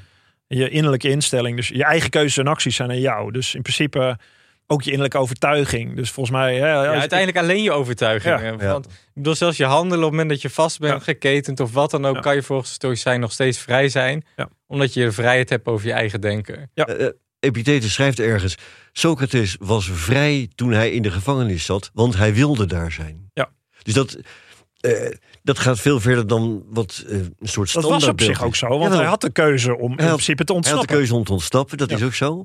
Maar het, het idee van, dat eh, vrij algemeen bestaat van de Stoa... is van nou, het beeld van de eend die het Ja. water langs gaat afrijden. Van het gebeurt, niks aan te doen. Ja, laat maar, ik ga een gaan. hoekje, hup, Maar gaan. Ja. Dit geeft, het gaat veel verder. Niet alleen maar, zeg maar op een soort nulniveau accepteren. Het, het gaat veel verder. Het is op een plusniveau willen. Dus je, je wilt echt dat datgene wat er gebeurt ook gebeurt. Ja, in principe is het dat wat, je lot liefhebben of liefhebben Ja. wat er Ja. gebeurt. Daadwerkelijk ja. gebeurt, want eigenlijk is dat het leven liefhebben. Ja. Alleen zitten er allemaal grenzen aan. Kijk, Nietzsche, je noemde hem al, die zegt amor fati. Ja. Heb, het, heb het lot lief of heb het leven Ja. lief in, in alle gedaantes. En dat is ook kritiek van Nietzsche op de Stoïcijnen. Hij zegt, de Stoïcijnen concentreren zich alleen op het rationele deel. Maar ze hebben niet werkelijk alles lief. Niet ook de driften, niet de woede in je. Stoïcijnen zeggen dan van, heb alles lief, maar die woede in je, dat bestaat uit een verkeerd begrip van de wereld. Dit is, dit is ik heb gevraagd, sorry dat ik je onder. Ik heb Ja. inderdaad mijn Instagram gevraagd, wat vinden jullie moeilijk? Heel veel mensen vinden het heel moeilijk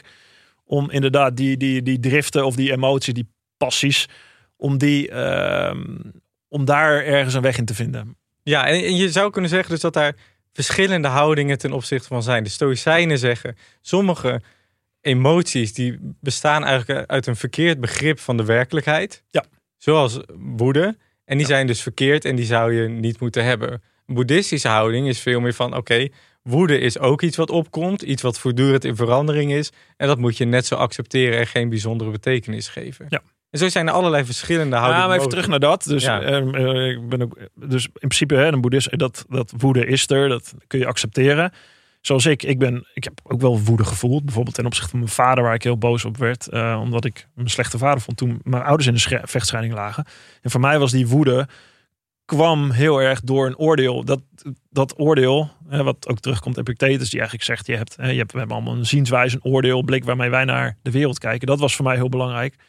Dat was dan eigenlijk het oordeel wat onder die emotie lag. Dus mijn oordeel over mijn vader. Als ik dat oordeel loslaat, dan verandert die emotie. En dat heb ik ervaren. Dat is voor mij ook echt zo. Als je boosheid hebt, is dat eigenlijk jouw eigen boosheid. En die heeft te maken met hoe jij naar die situatie kijkt. Dus in die zin is eh, boosheid volgens mij, zo lees ik het, hè, zijn de, de, de, is boosheid niet per se iets wat je wegduwt als emotie. Het is meer iets, oké, je kijkt naar waar komt die boosheid vandaan? Heeft dat te maken met mijn manier van denken? En als je dat analyseert, zou dat heel goed kunnen. En dus is het een verkeerde manier van denken, logisch gezien. Ja, voor de Stoïcijnen is het dan altijd een verkeerde manier van Ja. denken. Omdat Ja. het bestaat uit een verkeerd begrip van de werkelijkheid. Ja. En ja, kijk, ik denk gewoon dat, dat zulke emoties Mm. ook een rol mogen hebben Ja. in het leven. Wat dat betreft ben maar ik... het is, het is ook niet dat ze, ze- dat ben ik eens. Hè? Ja. Ze hebben, boosheid heeft een, ik, ik, voor de zaal leg ik dit verhaal Ja. uit. En dan het eerste wat ik vraag is, wie is er wel eens boos? Wie niet? Wie niet? Iedereen steekt zijn hand op. Wie Ja. is er wel eens boos? Wie is er wel eens frustrerd? Iedereen.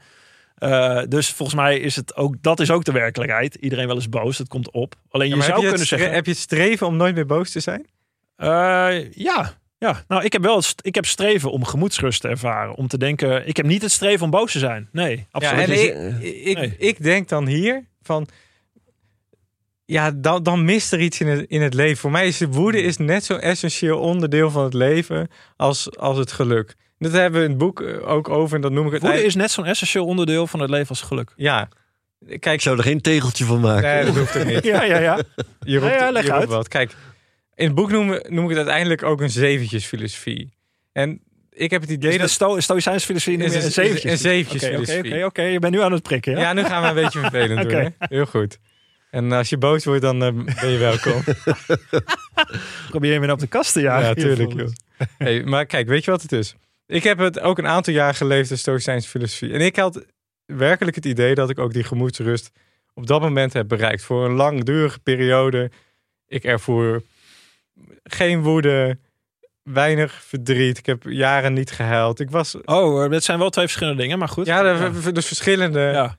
verschillende negatieve eh, emoties waren in mijn optiek nauwelijks bij mij aanwezig. En ik had ook een soort positieve rust, wat je gemoedsrust zou Hmm. kunnen noemen.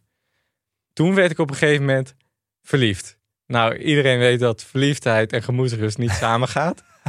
Maar Ja. het was heerlijk. Het, het was voor mij echt fantastisch. Ja, ja. Dat gevoel van dat je uit elkaar wordt gerukt. Dat ik verdriet voelde, dat ik woede voelde, dat ik frustratie voelde. En toen dacht ik, oké, ik leef. En ik, ik, ik schreef het ook in een brief aan mijn geliefde, nu de moeder van mijn kind. Ik ontwaak uit mijn stoïcijnse coma. Hmm. En zo er, ervoer ik dat van, oké, ja. nu heb ik de volheid van het leven weer ontdekt. Ja, oké. dus eigenlijk zie jij het meer als een soort.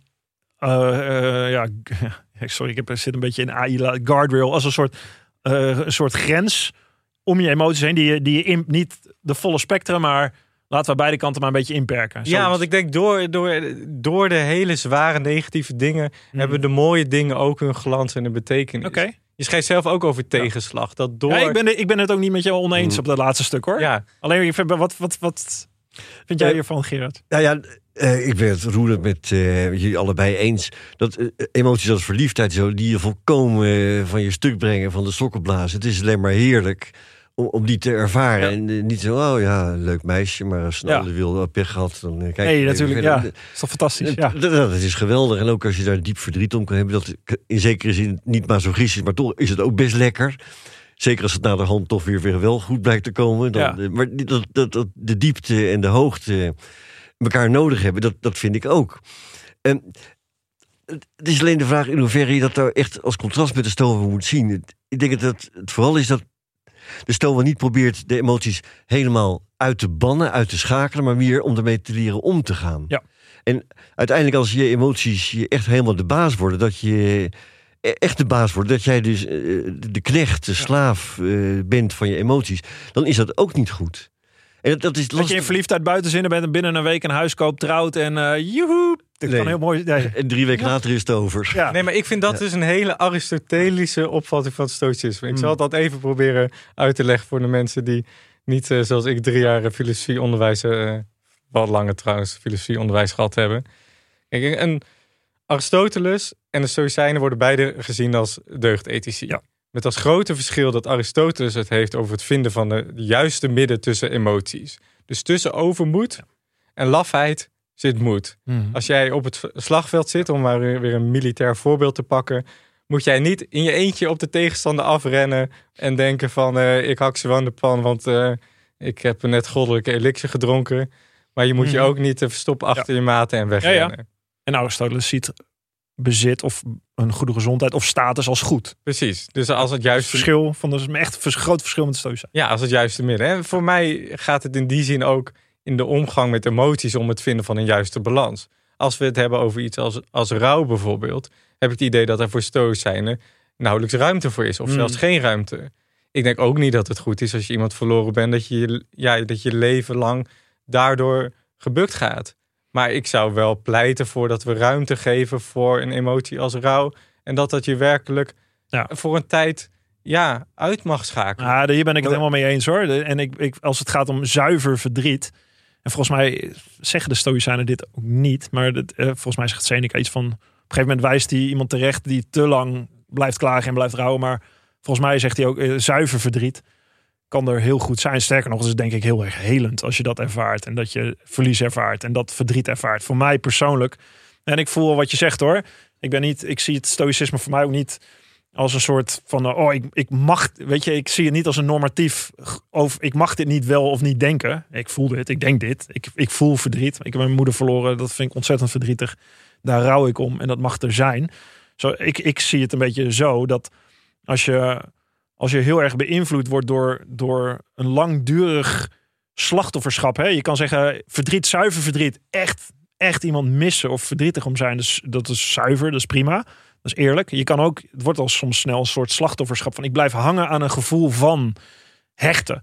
Dus ik, ik, ik, ik, iemand bezit ik of iemand zou er voor moeten, mij moeten zijn. Hè? Dat is een beetje de, de middelweg ergens tussen. En, en dat zijn emoties die, die je voor mijn gevoel beter zou kunnen loslaten. Omdat dat een irreëel vasthouden aan is dat er niet meer is. Dus het zuiver verdriet om iets wat er niet meer is, is volgens mij prima voor mij persoonlijk. Alleen het vasthouden aan iets wat er niet meer is en het willen dat het anders zou zijn, niet.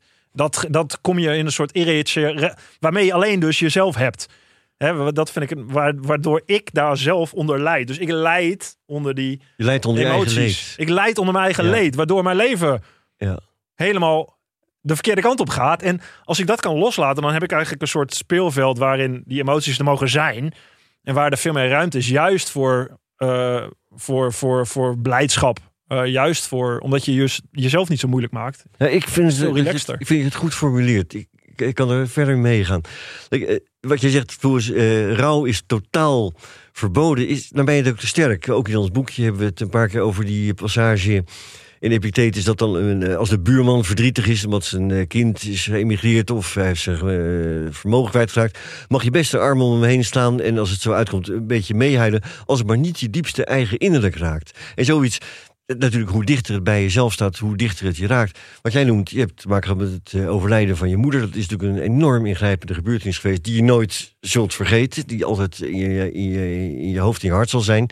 Maar het, het is hoe je daarmee omgaat. Als dat jouw, ook je, je eigen ik in, raakt in die zin dat je denkt: de wereld is slecht, dit is slecht, alles is slecht. Dan heb je daar uiteindelijk ook jezelf beter te pakken. Ja, het gaat bij mij. Als jij het zegt, hè, als het een, als het zo'n norm was, als ik denk van: oh, ik mag niet verdrietig hm. zijn, want dit is niet stoïcijns. Ja, daar, gaat het, daar zou het bij mij misgaan als ik zo zou gaan denken. Dus voor mij mag het er gewoon zijn. En is het er? En heb ik daar, is het zuiver verdriet? En, en voel ik dat verdriet wel? Maar het is niet een emotie wat, waar ik van in elkaar krimpen. Denk, help, uh, ik ben een zielig hoopje mens. Ik ben verdrietig. Ik denk, ja, dat is er. Maar ik sta nog. En in het snap je een beetje ja, wat ik, bedoel? Ik snap volledig wat je bedoelt. En dus op persoonlijk niveau ben ik het helemaal met je eens. En ik denk dat het een, echt een gezonde houding is ten opzichte van emoties. Voor mij is vooral de vraag, is dat ook wat de Stoïcijnen zeggen? Ja. En in Epictetus, in het zakboekje, daar staat een stukje over het, het verliezen van je dochter. Kunnen jullie die passage voor de geest halen? Ja, ja, ja. Het, is, uh, het is niet je bezit, dus je hebt het teruggegeven. Ja. Ook dat, maar ook van de, je moet oefenen met, dat is trouwens een belangrijk begrip. Jij noemde net uh, de, degene die vorderingen maakt, uh, de procoptoon. Dat, dat, staat heel hoog aangeschreven in de stoma, kleine stapjes. Dus het begin met een beker of een glas. Hier valt een glasstuk, ja. Oh, wat een mooi glas. Glazen kunnen stuk vallen, ja. Dat is wel eenmaal inherent aan glas. Um, Wanneer je vrouw of je kind sterft, dan is dat een sterfelijk wezen dat sterft. Dat wil niet zeggen dat je geen affectie mag voelen, of die moet je zelfs voelen. Het Griekse begrip filantropia, gewoon filantropie, betekent houden van mensen. En zeker van de mensen in je omgeving. Dat is heel belangrijk, ook een plicht. En daar voert het voor dat je voor die mensen zorgt, enzovoort, enzovoort, enzovoort. Dus als die wegvallen, natuurlijk heb je daar gevoelens bij. Alleen die mogen niet de overhand krijgen. En vooral, ik denk dat dat wel het sleutelbegrip is... je mag dan niet de indruk krijgen dat de wereld onrechtvaardig is... en dat je de goede dingen mag verwijten. Nou, elders schrijft Epictetus... als je je kind kust, besef dan dat je een sterfelijk wezen kust. Ja. Dat maakt jou... Je op, denk ik ja, ja. en kijk, ik ben het daarmee oneens. Natuurlijk is de wereld ook onrechtvaardig. Ik bedoel, neem alleen al uh, poezen en muizen. Hoe een poes en muis vangt, laat gaan, weer opnieuw hmm. pakt en loslaat en opnieuw vangt. Ik weet niet of je wel, ja, als je ooit ja, de natuur is in principe geen ethiek, hè? Dat is gewoon een kill or be killed. Ja, maar volgens het stoïcijn is uiteindelijk is er een gevoel van rechtvaardigheid en is er een goedheid in de wereld. En ik zou zeggen, nee, er is een, alleen een soort neutraalheid en als mens kunnen we ervoor kiezen om het goede meer in de wereld te brengen. Maar daarin, ja, verschil ik absoluut met stoïcisme. Ja, daar, hebben we het ook in onze gesprekken en ook in het boekje vindt dat ze een weerslag veel over gehad. Over dat zogeheten determinisme. Jij noemde de term ook al. Ja. En dat betekent het in de stoma dat alles tot in de kleinste details is van tevoren bepaald. Ja. En dat het van tevoren bepaald is, betekent dat het goed is. Want wie heeft het bepaald? God. Ja. En God is goed. Ja. Dus God heeft bepaald wat er gebeurt, dus wat er gebeurt is goed. Ja. En dat is een paradox waar die enorm veel weerstand oproept. Want je zou kunnen zeggen dat is een soort cirkelredenering. Ja, ja, ja, ja, je kan ook zeggen, het is een syllogisme. Uh, God is goed, God is almachtig. Uh, dus uh, ja. 1 en 1 is 2. alles wat God doet, laat gebeuren, is, is goed. Dat, dat wil er moeilijk in. Is de oorlog tussen Oekraïne en Rusland goed? Dacht het niet. Is wat er gebeurt in de Israël en de Gazastrook ja. goed? Wie zal dat zeggen? Dat prima zo. Nee, dat, dat, dat, daar kunnen wij niet bij. En dat roept enorme weerstand op, begrijpelijk. Ja. En de Stoïcijn zou moeten zeggen, vanuit ons nietige perspectief als individu, denken wij weliswaar dat die dingen verkeerd zijn. Maar wij kunnen niet oordelen vanuit het perspectief van het universum. En op het gebied van het universum is er een harmonie. En uiteindelijk zijn al die dingen goed. Ja. En dat vind ik een hele moeilijke ja, gedachte. Is het ook. Alleen daarnaast zeggen ze het enige wat goed is voor jezelf, is je eigen gedrag in ethische zin. En je reactie. Goed of kwaad. Uh, dus als jij de juiste waarde nastreeft, is dat goed. Als je die daaraan zondigt, is het niet goed. Dus in principe is dat het enige toch hè, los van het determinisme, hebben nog wel ergens een, een, een vrijheid om te acteren, om het goede te doen en om een goed karakter na te streven, toch? Ja, dat blijft dus de vraag. Want er wordt er vaak gezegd door Ja. Stoïcijnen, die kregen dat bezwaar ook van. Luister eens, als toch al vast ligt wat er gaat gebeuren, waarom zou ik me dan überhaupt nog inspannen? Want het gebeurt toch wel. Ja, dus het, niet alleen stoïsch, dit is in het überhaupt in de Natuurlijk, filosofie, ja. toch? En soort- Natuurlijk, ja. Maar bij, bij hen is het extra sterk. Want zijn als het ware marionetten aan een touwtje en die, we hebben geen enkele bewegingsvrijheid. Ja, Maar hoe rijm je dat dan met, Nou met de, de, actie, de actiebereidheid die onderdeel is? Ik sluit mijn boek ermee af als dit is de, de, de laatste. Hè, wat Epictetus zegt. Je kan leuk lullen over filosofie. Je kan prachtig erover schrijven, eh, Gerard, Mark, Floris. Maar uiteindelijk wat je doet bepaalt daadwerkelijk hoe je leeft en wat je manier van leven is. Dus ja, laat het maar zien. Ja, ik denk dat uiteindelijk Epictetus zich daar niks van aantrekt. Nee. Dat, dat, dat soort eh, discrepantie in zijn denken, in het hele denken van de Stoa. Enerzijds het ligt vast, dus het is goed. Anderzijds je hebt je eigen verantwoordelijkheid. Marcus zegt het ook, maar zo Ja. zegt in principe inderdaad wat ik eerder zei. Of het nou deterministisch is of totaal toevallig. Ja. En ik denk In principe dat, kom je op hetzelfde uit. Jij bent een persoon in de wereld en het begint bij jou en eindigt bij jou. Jij kunt actie ondernemen. Eh, het feit dat wij dat zo moeilijk vinden, we zijn het erover eens. Ja. We, we, keuren, we zeggen niet oorlogen zijn goed, stervende kinderen zijn goed. eh, en, vreselijk, dat, Ja. dat vindt niemand goed.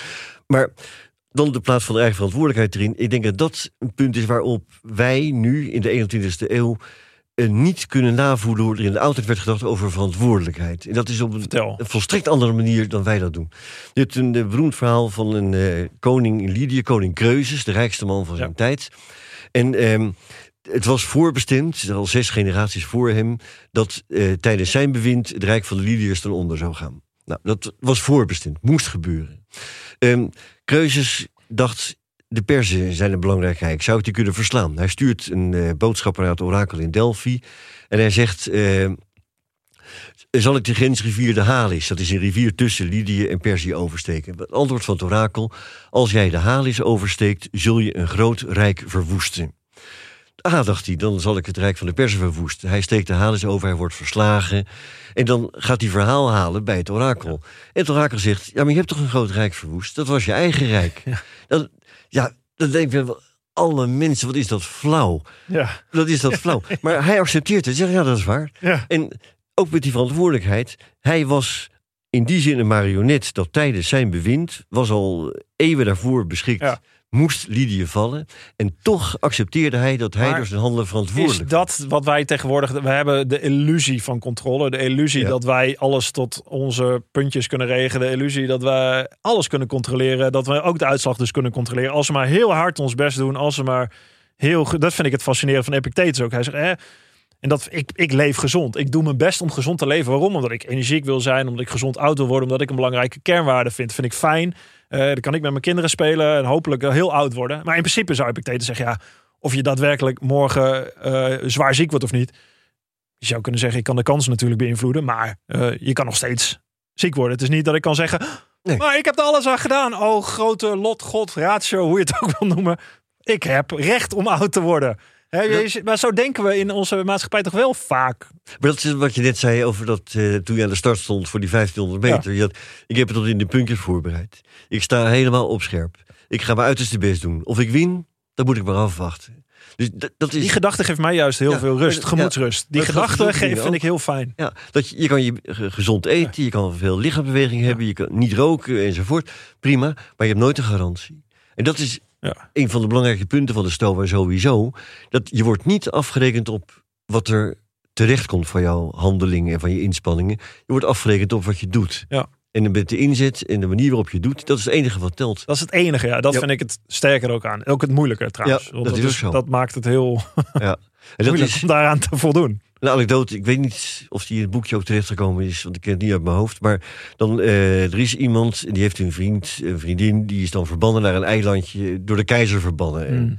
die eh, maakt, wij zouden zeggen, een soort eh, verrassingspakket voor die verbannen vriendin. Dan zegt iemand, ja, waarom stuur je dat dan op? Het wordt toch in beslag genomen door de keizer. En dan zegt zij, beter dat de keizer het in beslag neemt, dan dat ik het niet stuur. Ja, Dus zelfs wanneer je van tevoren weet, mijn handelingen zullen niet tot een positief resultaat leiden, laat wat me niet weerhouden om, ja, om te handelen. dat doe je toch. Mooi. Ja, ik zou eh, kunnen zeggen, het begint bij jezelf, bij je eigen handelen. Jij zou kunnen zeggen, dat is, zou je als kritiek kunnen opvatten. Tenminste, zo heb ik het een beetje gelezen, ook in je, in je boekje Floors. Dat het een individuele zelfhulpfilosofie zou kunnen zijn of zo gebruikt wordt. Ja, kijk, omdat ik denk dus dat er ook heel erg eh, al een idee van een vastliggende rol in zit. Hmm. Dus aan de ene kant eh, hebben we het de hele tijd over vrijheid, maar we zeggen wel van Marcus Aurelius, hij moest die rol accepteren. Ja. En nu ook van als rol van vriendin stuur ik zo'n pakketje op. Maar niet van, oh, ik ga clandestien zorgen dat het pakketje daar komt via een smokkelaar of wat dan ook. Ja. Dus er is elke keer aan de ene kant een beroep op vrijheid, maar aan de andere kant meteen een soort beperking van wat nou uiteindelijk de mogelijkheden zijn. Ja. En voor mij is dat een van de grote moeilijkheden van het stoïcisme van ja, in welke mate beperken we dan ook een soort van politieke mogelijkheden door elke keer maar te denken wat er in mijn rol ligt. Hmm. Omdat je van tevoren niet precies weet wat de consequenties zijn van je handelen. Dat zouden de stoïcijnen be- beamen. Ja. Heb je een voorbeeld? Wat, Ja, wat zou dat kunnen zijn? Nou, bijvoorbeeld klagen. Ja. Neem de hele Zwarte Piet discussie. Je zou kunnen zeggen, pakweg vijf jaar geleden zeiden veel mensen nog van... Oké, je, ja, je moet er niet zo over zeuren. Je moet gewoon accepteren, dit is hoe het is in Nederland. En zo is het geweest en zo zal het blijven. Maar juist omdat er mensen zijn geweest die zijn gaan klagen... die op tv zijn geweest, die er emoties bij voelen... laten zien van, dit doet mij iets, dit raakt mij... zijn er andere mensen er ook voor open gaan staan... en is er een discussie gekomen... Hmm. En is er nu een sociale beweging gekomen. En dat komt omdat mensen zich niet hebben neergelegd bij hoe het is. En omdat ze, in mijn optiek, ook de emoties politiek hebben gemaakt. Maar als je kijkt naar de Stoïcijnen, er was de Stoïcijnse oppositie ten tijde van Nero. Dat waren senatoren die het niet eens waren met Nero, die zich organiseerden in een oppositie die best heftig was. Die werden of vermoord of verbannen uiteindelijk. Ze namen met eigen risico voor hun eigen leven, eh, gingen ze staan voor waar ze in geloofden. Ook al hadden ze het. Dus dat zit toch wel, dat zit toch al in die filosofie. Het is Ja, maar het als- klagen, maar het is het actie ondernemen, ergens voor staan. Juist, ook al word je met de dood bedreigd, zeggen ja, en oké, jij kan mij ten dood veroordelen, je kan mij ophangen, maar dat zal mij niet weerhouden om het alsnog te doen. Ja, en dit, dit is toch ook de beroemde anekdote van een se- senator die, die wil gaan spreken. En dan wordt gezegd, als je nu gaat spreken, dan word je ter dood veroordeeld. En dan is Het is het aan u om mij ten dood te Ja. veroordelen, het is aan mij om het te spreken. Ja. Ja. Precies. Dus je zou Maar zeggen... dat zit daar dan toch wel in? Ja, maar niet dat, niet dat idee van emoties en dat die ook leidend kunnen zijn. Voor mij is dat echt wel een Maar is dat, is dat niet het idee van dat je, dat je, je zou je, hey, ik, ben, ik ga even met je mee in, in, in het verhaal hè, met, een zwarte piet. Je zou, je zou kunnen zeggen, wat is de meest, wat is de meest, als dit jouw overtuiging is, hè, dat, dat die hele zwarte piet discussie, die eh, natuurlijk af en toe helemaal nergens over gaat. In principe, nou goed, dat is weer een heel andere discussie. Maar je zou kunnen zeggen, als ik dat standpunt vind, zou ik het zo goed mogelijk kunnen vertalen. Je zou kunnen zeggen, als ik mijn, echt, mijn emoties echt de vrije loop laat, dan ga ik alle kanten op van links naar rechts. Dan vindt niemand er meer een touw aan vast te knopen. Kijk, ik denk dus zorg- dat dat een positie is vanuit een soort machtspositie. We zien overal in de geschiedenis dat degene die de macht heeft, kan altijd zeggen: dit is redelijk discours. Zo moet je argumenten voeren. Ja. En tegelijkertijd zijn er allemaal mensen die proberen ook op die manier argumenten te voeren, maar die worden dan niet gehoord. Ja. En soms worden ze wel gehoord. In jouw boekje geef je een voorbeeld van de eerste vrouw die in Nederland ging studeren, Ja.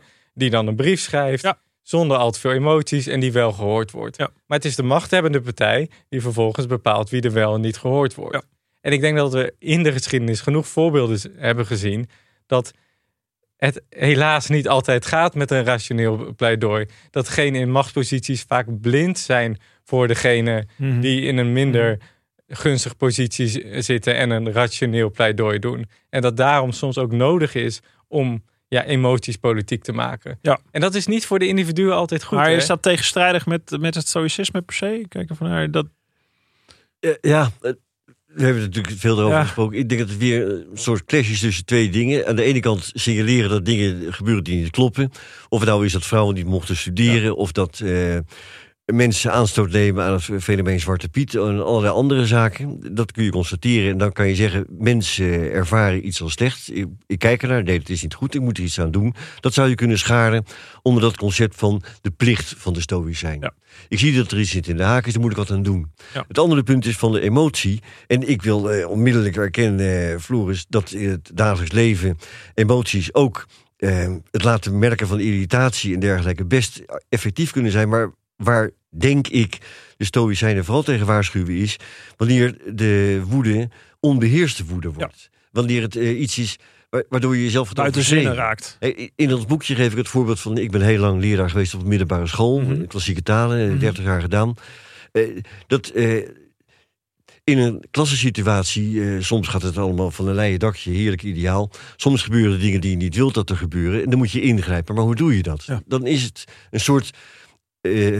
ver- stilzwijgende afspraak. Nou, jongens, kom op zeg, eh, wat kunnen alweer, bla bla bla. Nou, dan eh, klinkt dat een beetje bozer, maar Ja. weten... oh ja, hij wil liever dat we zus en zo. Ja. Als het uit de hand loopt en je bent echt, echt, echt kwaad... Dat, dan, dan voel je ook dat je gaat trillen en Ja. zweten...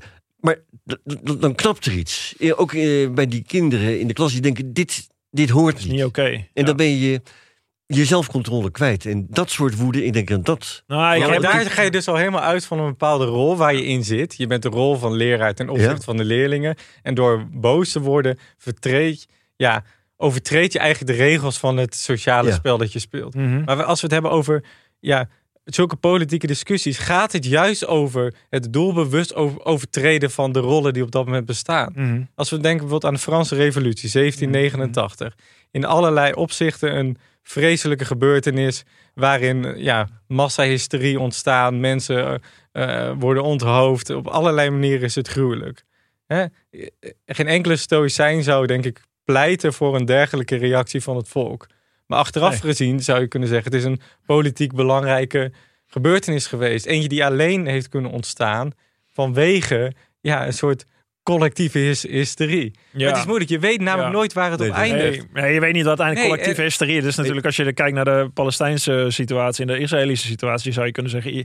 Als, als iedereen zich stoïcijns zou gedragen en een kalm zou blijven Ja, dan zou en het ook overwegen, dan zou, het, dan zou je een wijzere, betere wereld krijgen. Zou je elkaar oprecht beter kunnen begrijpen. Als er, een- en dat vind ik ook met emotie. Hè? Als je het hebt over, eh, dat vind ik mooi van Socrates, de Socratische vraagstelling als instrument. Als je je eigen empathie, zelfs empathie, voor je kan houden en niet je eigen oordeel of je eigen emotie ergens inbrengt, kun je oprecht beter iemand anders bevragen en begrijpen. Zonder je eigen emotie eroverheen te leggen. Wat we heel vaak doen is natuurlijk. Oh, eh, eh. ja, het eerste nieuwsbericht van. dat heb ik bij jezelf ook. Je denkt, oh wat verschrikkelijk wat daar gebeurt. Dan leg je eigen emotie erin. En daarmee leg je al een soort sluier over een zienswijze. om echt oprecht in een soort nul situatie. alles goed te kunnen overwegen en te kunnen begrijpen. We worden natuurlijk emotioneel gedreven door beslissingen die we maken. Natuurlijk, uiteraard. Alleen ik denk dat het heel erg wijs zou zijn. of heel goed zou zijn om een soort stap terug te kunnen doen. En te kunnen zeggen: oh, wat gebeurt hier bij mezelf?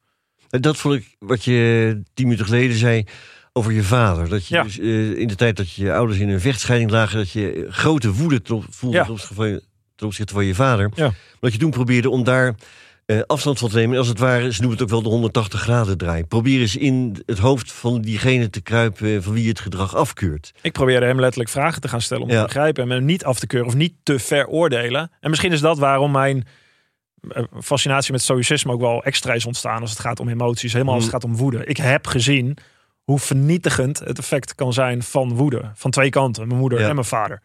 Die elkaar dus bevechten Ja, op pure, rauwe passie en emotie. En dat wil niet zeggen dat er geen liefde is. Er zit ergens heel veel liefde. Juist, als er geen liefde is, dan was het een soort apathische situatie van...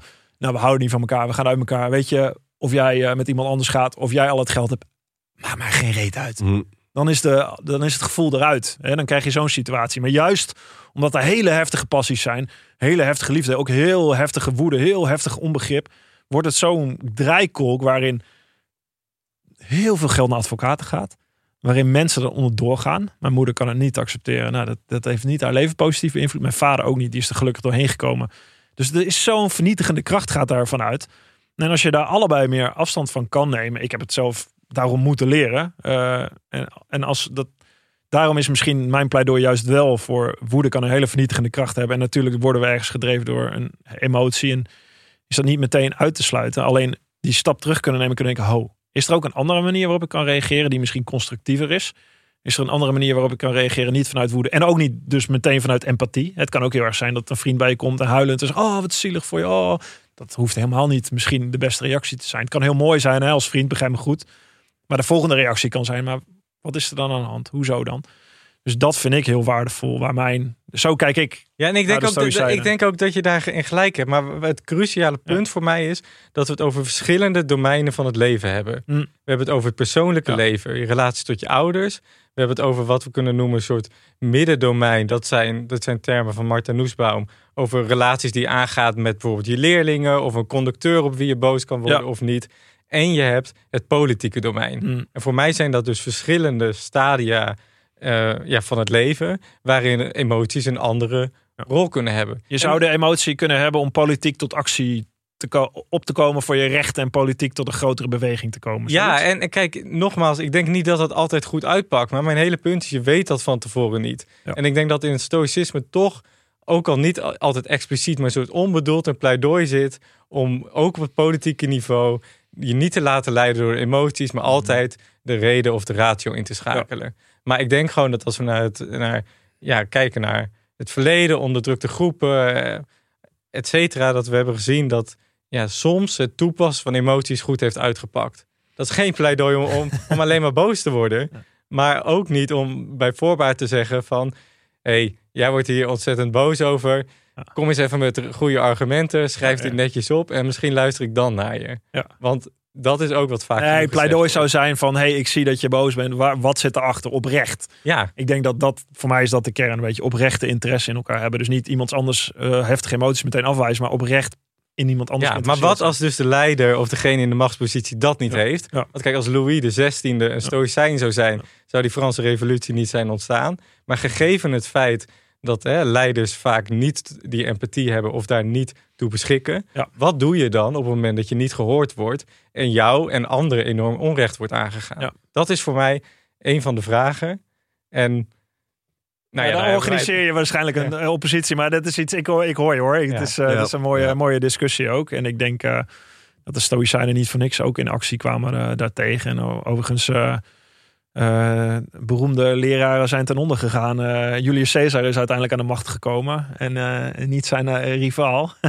En ja, dat, dus de geschiedenis loopt zoals die loopt wat dat betreft. Voor mij, heeft, voor mij vind ik het los van het feit we zijn, we zijn in die zin sociale wezens. Dus rechtvaardigheid is een kardinale waarde. Maar die gaat veel meer, denk ik, niet alleen over wettelijkheid. Maar meer in relatie tot elkaar. Het geven en nemen. Als dat we dat in ogenschouw houden. Dan zijn we ook op politiek vlak mooi mensen. Maar ja, dat is natuurlijk een ideaal wat, wat niet altijd helemaal goed uitspeelt in de wereld. Dus daar moet je tegen ageren en tegen actie komen. Dus in die zin ben ik het ja, ook en dat is wel eens. altijd de moeilijkheid hoor. Van, Ja. Kijk, want je kan ook zeggen van ja, hè, de leiders of de machtigen, die hebben gewoon meer stoïcisme nodig. Van, eh, of die moeten wijzer worden. En ik bedoel, het is juist belangrijk om Ja. degene in posities van macht meer ethiek bij te brengen. Ja. Ik ik denk ook zeker. Denk ik ook. Ik denk ook zeker dat het waar is. Ja. Eh, alleen het kan ja, niet dan het enige verhaal. Misschien moeten ze gewoon allemaal de meditaties of persoonlijke notities van, eh, van, eh, van Marcus Aurelius lezen voordat ze, voordat ze aan de macht komen. Nou, uiteindelijk kom je uit bij wat je, ik denk inmiddels een half uur geleden Ja. zei, eh, Floris. Over dat volgens Socrates en dus volgens zijn navolgers eh, deugd het goede doen gelijk staat aan kennis. Dat eh, Plato laat Socrates ergens in eh, de staat, Politeia, ook zeggen. Het kan pas goed gaan met de wereld als de filosofen koning worden of de koning filosoof worden. En, en die krijgen dan een scholing in het objectief goede. Want laten we wel zijn, er is geen heerser op aarde die zegt: Ik doe het slechte. Nee. Eh, Poetin zal niet zeggen: Ik ben een slecht mens en ik doe wat slecht is. Hitler vond het ook fantastisch. Iedereen eh, zal zeggen: Ik doe het goed. Alleen eh, de vraag is: wat is het goede? Nou, da- daar zoekt eh, Plato, daar zoekt Socrates, daar, zo- eh, daar zoekt eh, Stoa een objectieve standaard voor. Ja. Dus in, de vraag is niet zozeer: eh, moet het recht of onrecht heersen, maar wat is het recht? Ja. En dat is uiteindelijk dan toch weer iets waar je ook rationeel van eh, over het eens moet zien te worden. En ik wil graag eh, meteen toegeven dat je, dat je in de praktijk voor een groot deel gelijk geeft. Natuurlijk, wanneer we alleen maar zouden zeggen... Ja. nee, ik ben het helemaal niet mee eens hoor, dat Ja. vrouwen niet mogen studeren. En ik vind dat het de hoogtijd wordt dat vrouwen wel mogen studeren. Ja. Goedemiddag. Nee, dat schiet niet op. Dat ben ik met je eens. Maar Aletta Jacob blijft wel, blijft wel cool als zij onder grote druk in Amsterdam dus Ja, gaat inschrijven als eh, arts, als dokter. Eh, en die blijft cool en die handelt. Die gaat niet. Het is, niet dat ze met een, een knokpartij komt en eh, Nee. iedereen. Maar ze laat hè, in die zin eh à la Nelson Mandela bijna zien Ja. van wat, wat wijsheid en goedheid van karakter is. En uiteindelijk is dat misschien wel wat juist overleeft. Het is niet het gevecht misschien aangaan altijd. Ook al zal het soms ook nodig zijn. Maar Nee, ook maar het zijn net, voorbeeld. net een voorbeeld die hij aandraagt, Ja. weet je. Van, eh, je kan ook denken aan een Malcolm X bijvoorbeeld, die wel een gewelddadige houding had en die ook een bijdrage had aan dat debat. Ja.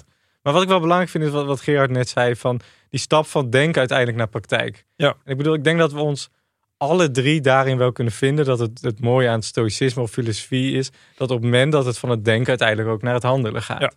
En hè, Plato en de Stoïcijnen beweren dat vanuit het goede denken het goede handelen zou volgen. Maar ik denk dat we vaak ook, ook uit eigen ervaring weten dat het niet zo simpel is als, als dat. Nee, maar het is wel goed dat je weet wat het goede denken is. En dat je daar over eens bent. Dan is het handelen wat we niet doen. Alleen dan houden we onszelf dus voor de gek in principe. Dan nou ja, ze hebben ja, wel eens onderzoek gedaan. Dat was dan eh, psychologisch Wat onder- onderzoek naar eh, ethici op de universiteiten. ja, ja, En of die eh, werkelijk ethisch handelden. ja, ja. Bijvoorbeeld van of ze papiertjes op straat gooiden of wat dan ook. En ze scoorden niet beter of zelfs slechter dan de gemiddelde mens. Dus de stap van maar, theoretisch inzicht van filosoof naar de filosoof als in de wijze is enorm groot. En daarin zijn, kan je dus ook zeggen dat er twee rollen zijn van de filosoof. Van, jij richt je in je boek echt op van oké, hoe wordt iemand een wijzer mens en gaat iemand beter handelen? Ja. Wij doen dat deels, maar wij pakken ook het de andere vraagstuk van de filosoof en zitten veel meer op het gebied van argumenten te neuzelen. Ja.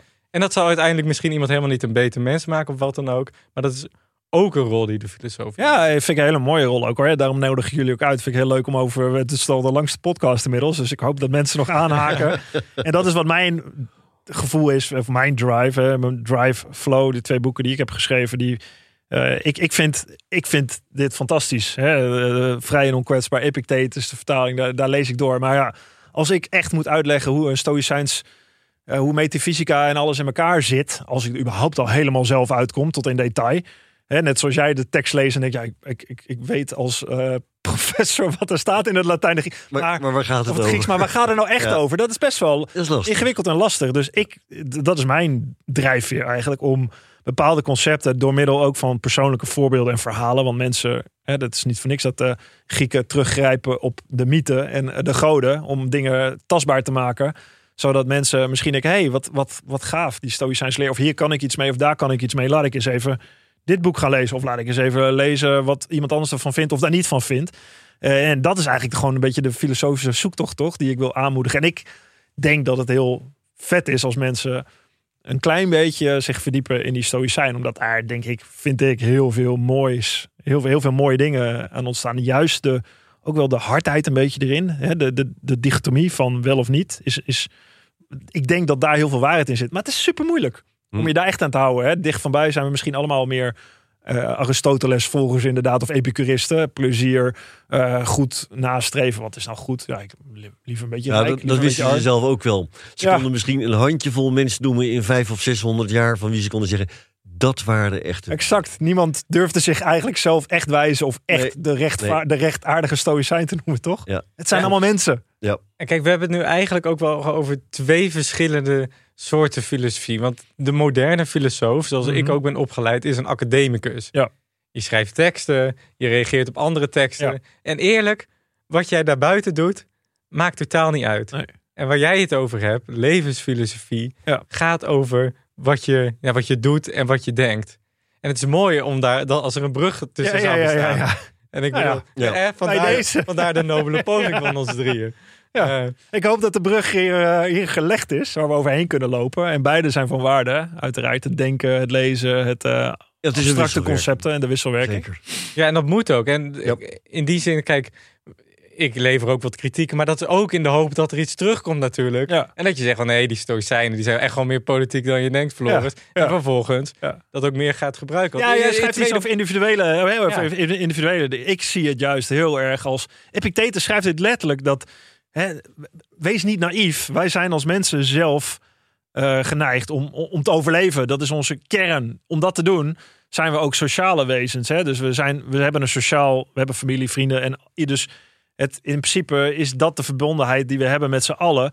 Eh, dus in principe als je zondigt tegen de rest van de mensheid, zondigt tegen jezelf. Alleen het is wel vanuit jezelf geboren in die zin. Maar het is wel een sociaal construct. Het is wel in principe een basis van een sociaal rechtvaardige samenleving. Ja, en in je tweede boek, ik heb het in Ja. de trein even, even gelezen, ja. ga je ook veel meer in op, denk ik, die sociale rol dan in het eerste boek. Ja. Eh, kijk, eh, waar ik een beetje kriebel van krijg. Mhm. En dat is het hele van de beste versie van jezelf worden. Wat volgens mij ook in een aantal Ja, ja. Van, de, van de slogans zitten in, in het boek. Ja. En je zou kunnen zeggen van kijk, dat is een manier om mensen stoïcisme binnen te krijgen. Ja. Mensen zijn nu eenmaal getraind om te denken van wat in het voor me. Maar wat is, daar, wat is daar slecht aan? De beste versie van jezelf worden? Nou, kijk, ik denk dat dat een soort, ja, ook bijna een soort marketing slogan is geworden. Waarin je altijd wordt ja, gedreven om, om meer uit jezelf te moeten halen en allerlei, ja, ook weer opnieuw verlangens worden gecreëerd. Dus net als dat je kan zeggen. Wat, van- ja, oké. Maar jij trekt nu van de beste versie van jezelf worden naar meer verlangens creëren. Dat ja, want de beste de versie stap van die je jezelf zelf maakt. impliceert dat je dat op dat- dit moment nog niet bent. En Mhm. kijk, ik, ik De trek beste een par- versie van jezelf kan ook zijn... eh, ik neem afscheid van al mijn bezit en eh, ik laat alles lekker varen. Dat zou ook een beste versie van jezelf Ja, maar het is dus iets wat je op dit moment nog niet bent. Ja? En waar je dus vervolgens iets Ja. voor nodig hebt om te leren om dichter de, Mhm. erbij Maar dat hoeft niet een materiaal iets te zijn. Nee, toch? dat kan, hoeft dat zeker kan zijn, ik eh, laat alles los accepteren. En, Absoluut. En dat vind ik, dat vind ik een, een mooie beweging. Dat het niet alleen maar over het, het materiële gaat. Maar in een zekere zin zou ik, ik be- betogen dat het nog steeds een beweging is. Waarin wordt gezegd van oké, wat je nu bent, hoe je nu bent, is niet goed genoeg. Je moet dit en, en dit leren. Kijk, zo'n boek is wat dat betreft hartstikke onschuldig. Zeker als het daar, daarbij blijft. Maar het is ook een slogan die je vervolgens ziet bij allerlei cursussen. Ja, hij wordt veel misbruikt, bedoel ik, Ja. die slogan. Als in, als je nu eh, dit doet, dan word je rijk. Of als je dit doet, dan word je gelukkig, et cetera, et En het is dus allemaal in een precies soort... wat ik niet bedoel Nee, trouwens. wat jij dus niet bedoelt, maar wel in een discours van oké, het is op het ik gericht en eh, het ik verbeteren. En daarom zou je kunnen zeggen, en, zou ik zeggen in een soort positieve noot over jouw, jouw boek.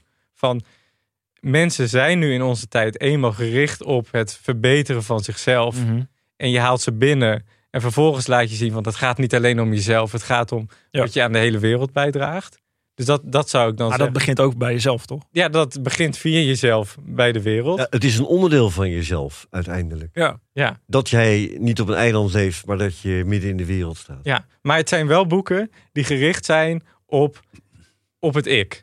Eh, op levenskunst, levensfilosofie. En niet van zo creëren we een rechtvaardige samenleving met het stoïcisme. ja, maar die ga je counteren. Ja, kom maar. Nou, als je... En dan wordt dit echt de langste podcast. maar nou, ik vind het heel leuk namelijk, dit. Als je het tegenovergestelde zou doen, je zou ook een hele maatschappij kunnen aanschrijven, ik noem maar wat. hè. Je zou het heel algemeen en abstract kunnen houden. En, en zeg maar, jongens, we moeten met z'n allen rechtvaardig zijn hier. We zitten hier in een zaal met honderd mensen. Zo gaan we rechtvaardig zijn. Zullen we met z'n allen doen? Weet je? Dat het een soort abstract geheel wordt. Een groep. Eh, dus je kan iets op een groep leggen van we moeten rechtvaardig zijn. En dan, ja, ik heb zelf een bedrijf, ik spreek zelf een groepen. Dan kan je één ding vertellen, er komt geen reet van terecht. Er moet één iemand zijn die zegt, ik neem hier de verantwoordelijkheid voor deze groep. Iedereen die een bedrijf, een team leidt, eh, iedere manager of dingen zou zeggen, oké, als we een verantwoordelijkheid in zijn algemeenheid bij een groep neerleggen, er moet één iemand aanwijsbaar zijn en verantwoordelijk zijn voor de actie, voor het gedrag. Dus ik denk dat juist het sociale construct begint bij de verantwoordelijkheid voor jezelf die je daarover neemt. In plaats van het. Je zou het kunnen zeggen, als we het over een groep leggen, dan lekker. Dus van onszelf weg. Dan hebben het lekker gepredikt als een priester in, in, het alg in de algemeenheid, wat heel mooi klinkt, maar wat er niet leidt tot actie, omdat niemand zich verantwoordelijk voelt om daar. Hè, we hebben het geroepen, klinkt goed, mooi. Eh, wie neemt er eigenlijk actie? Ja, met z'n allen. Doen we met z'n allen, jongens. Met z'n allen. Ja, maar, nee, nee, hij ook. Heb jij het al gedaan? Nee, nog niet. Ja, ja, ik ook nog niet, zeg maar. Dus Ja. het zaadje, denk ik, van actie begint. Ja, maar het kan ook precies andersom. Je kan een boek schrijven, 52 lessen voor een rechtvaardige eh, samenleving Ja, ja. van het stoïcisme. Dat begint met uiteenzetten wat is een rechtvaardige samenleving. En vervolgens vertaalt naar wat kan jij als individu doen om daaraan bij te dragen. Ja. Het feit dat zulke boeken niet worden geschreven, is waarschijnlijk ook omdat ze slecht verkopen. En omdat er misschien geen eenduidig beeld is van een rechtvaardige Ja, samenleving. en denk ik dat het toch het wezen is van de Stoa, zoals het Epictetus het heel kort eh, verwoordt. Sommige dingen heb je in de hand, andere heb je niet in de hand. Eh, je hebt vrijwel niks in de hand, namelijk alleen maar je eigen oordeel. Dus je begint en in zekere zin eindig je bij jezelf. Je kan wel proberen anderen te beïnvloeden, maar niet meer dan dat. Je hebt geen zeggenschap over de anderen. Als eh, het beoordelen van eh, ook, ook politiek in, maar Ja, ja. In, op een macroniveau, op microniveau. Eh, omgaan met misdadigers, met, eh, met moordenaars, met schurken, met dieven enzovoort. Kom je hier op die kennis uit. Iemand doet zus en zo. Iemand steelt, iemand rooft, iemand moordt. Arme man. Hij heeft een verkeerde geestelijke instelling. Probeer zijn geestelijke instelling te veranderen. Meer kun jij niet. Dat, dat is ook eh, een vorm van zelfbeperking. Ja. Maar in die zelfbeperking ligt, denk ik, en die denk Ja. dat Mark en ik op één lijn zitten, Ja. de kracht van de Stoa. Of het klopt of niet, is een andere zaak. Er zijn natuurlijk 2000 eeuwen psychologie overheen gegaan, maar Mm. dat laat ik even rusten. Ja, anders worden we een soort god. Ja, maar de, de worden wij de persoonlijking van een jij god. kunt met jezelf doen wat je zelf wilt. Dat is niet zo, dat weten we nu ook wel, maar dat is wel het idee van de Stoa. En uitgaande daarvan, nou, dat idee begin de eh, verbeter de wereld, begin bij jezelf. Dat heb je in de macht. Je kunt je best doen Ja. voor de wereld buiten jezelf. Die honderd individuen over wie je het hebt, die kunnen alle honderd hun best doen. Hebben ze alle honderd goed gedaan, dan heb je een groep die goed draait.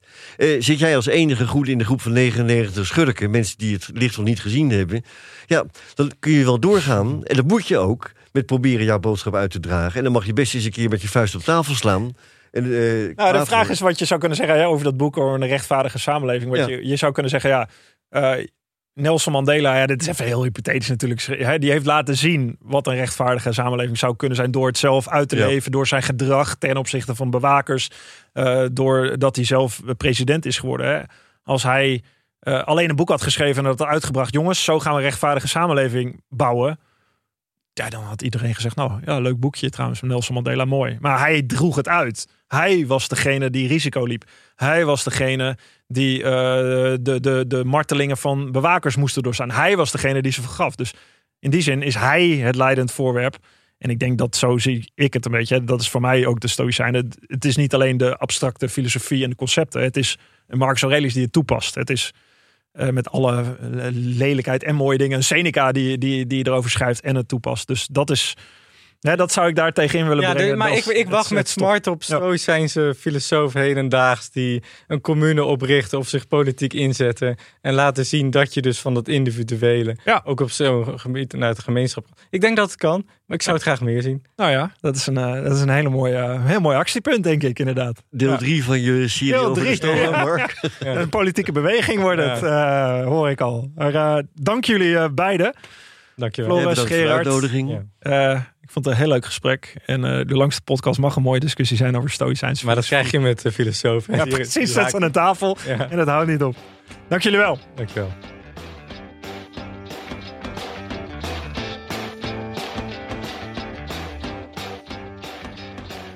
Dank voor het luisteren naar mijn Drive podcast. Je vindt mijn aflevering op Spotify, iTunes, YouTube en mijn website marktuitert.nl. Laat me weten wat je van mijn podcast vindt en deel dat via Instagram, Twitter, LinkedIn of Facebook. Heb je suggesties voor gasten?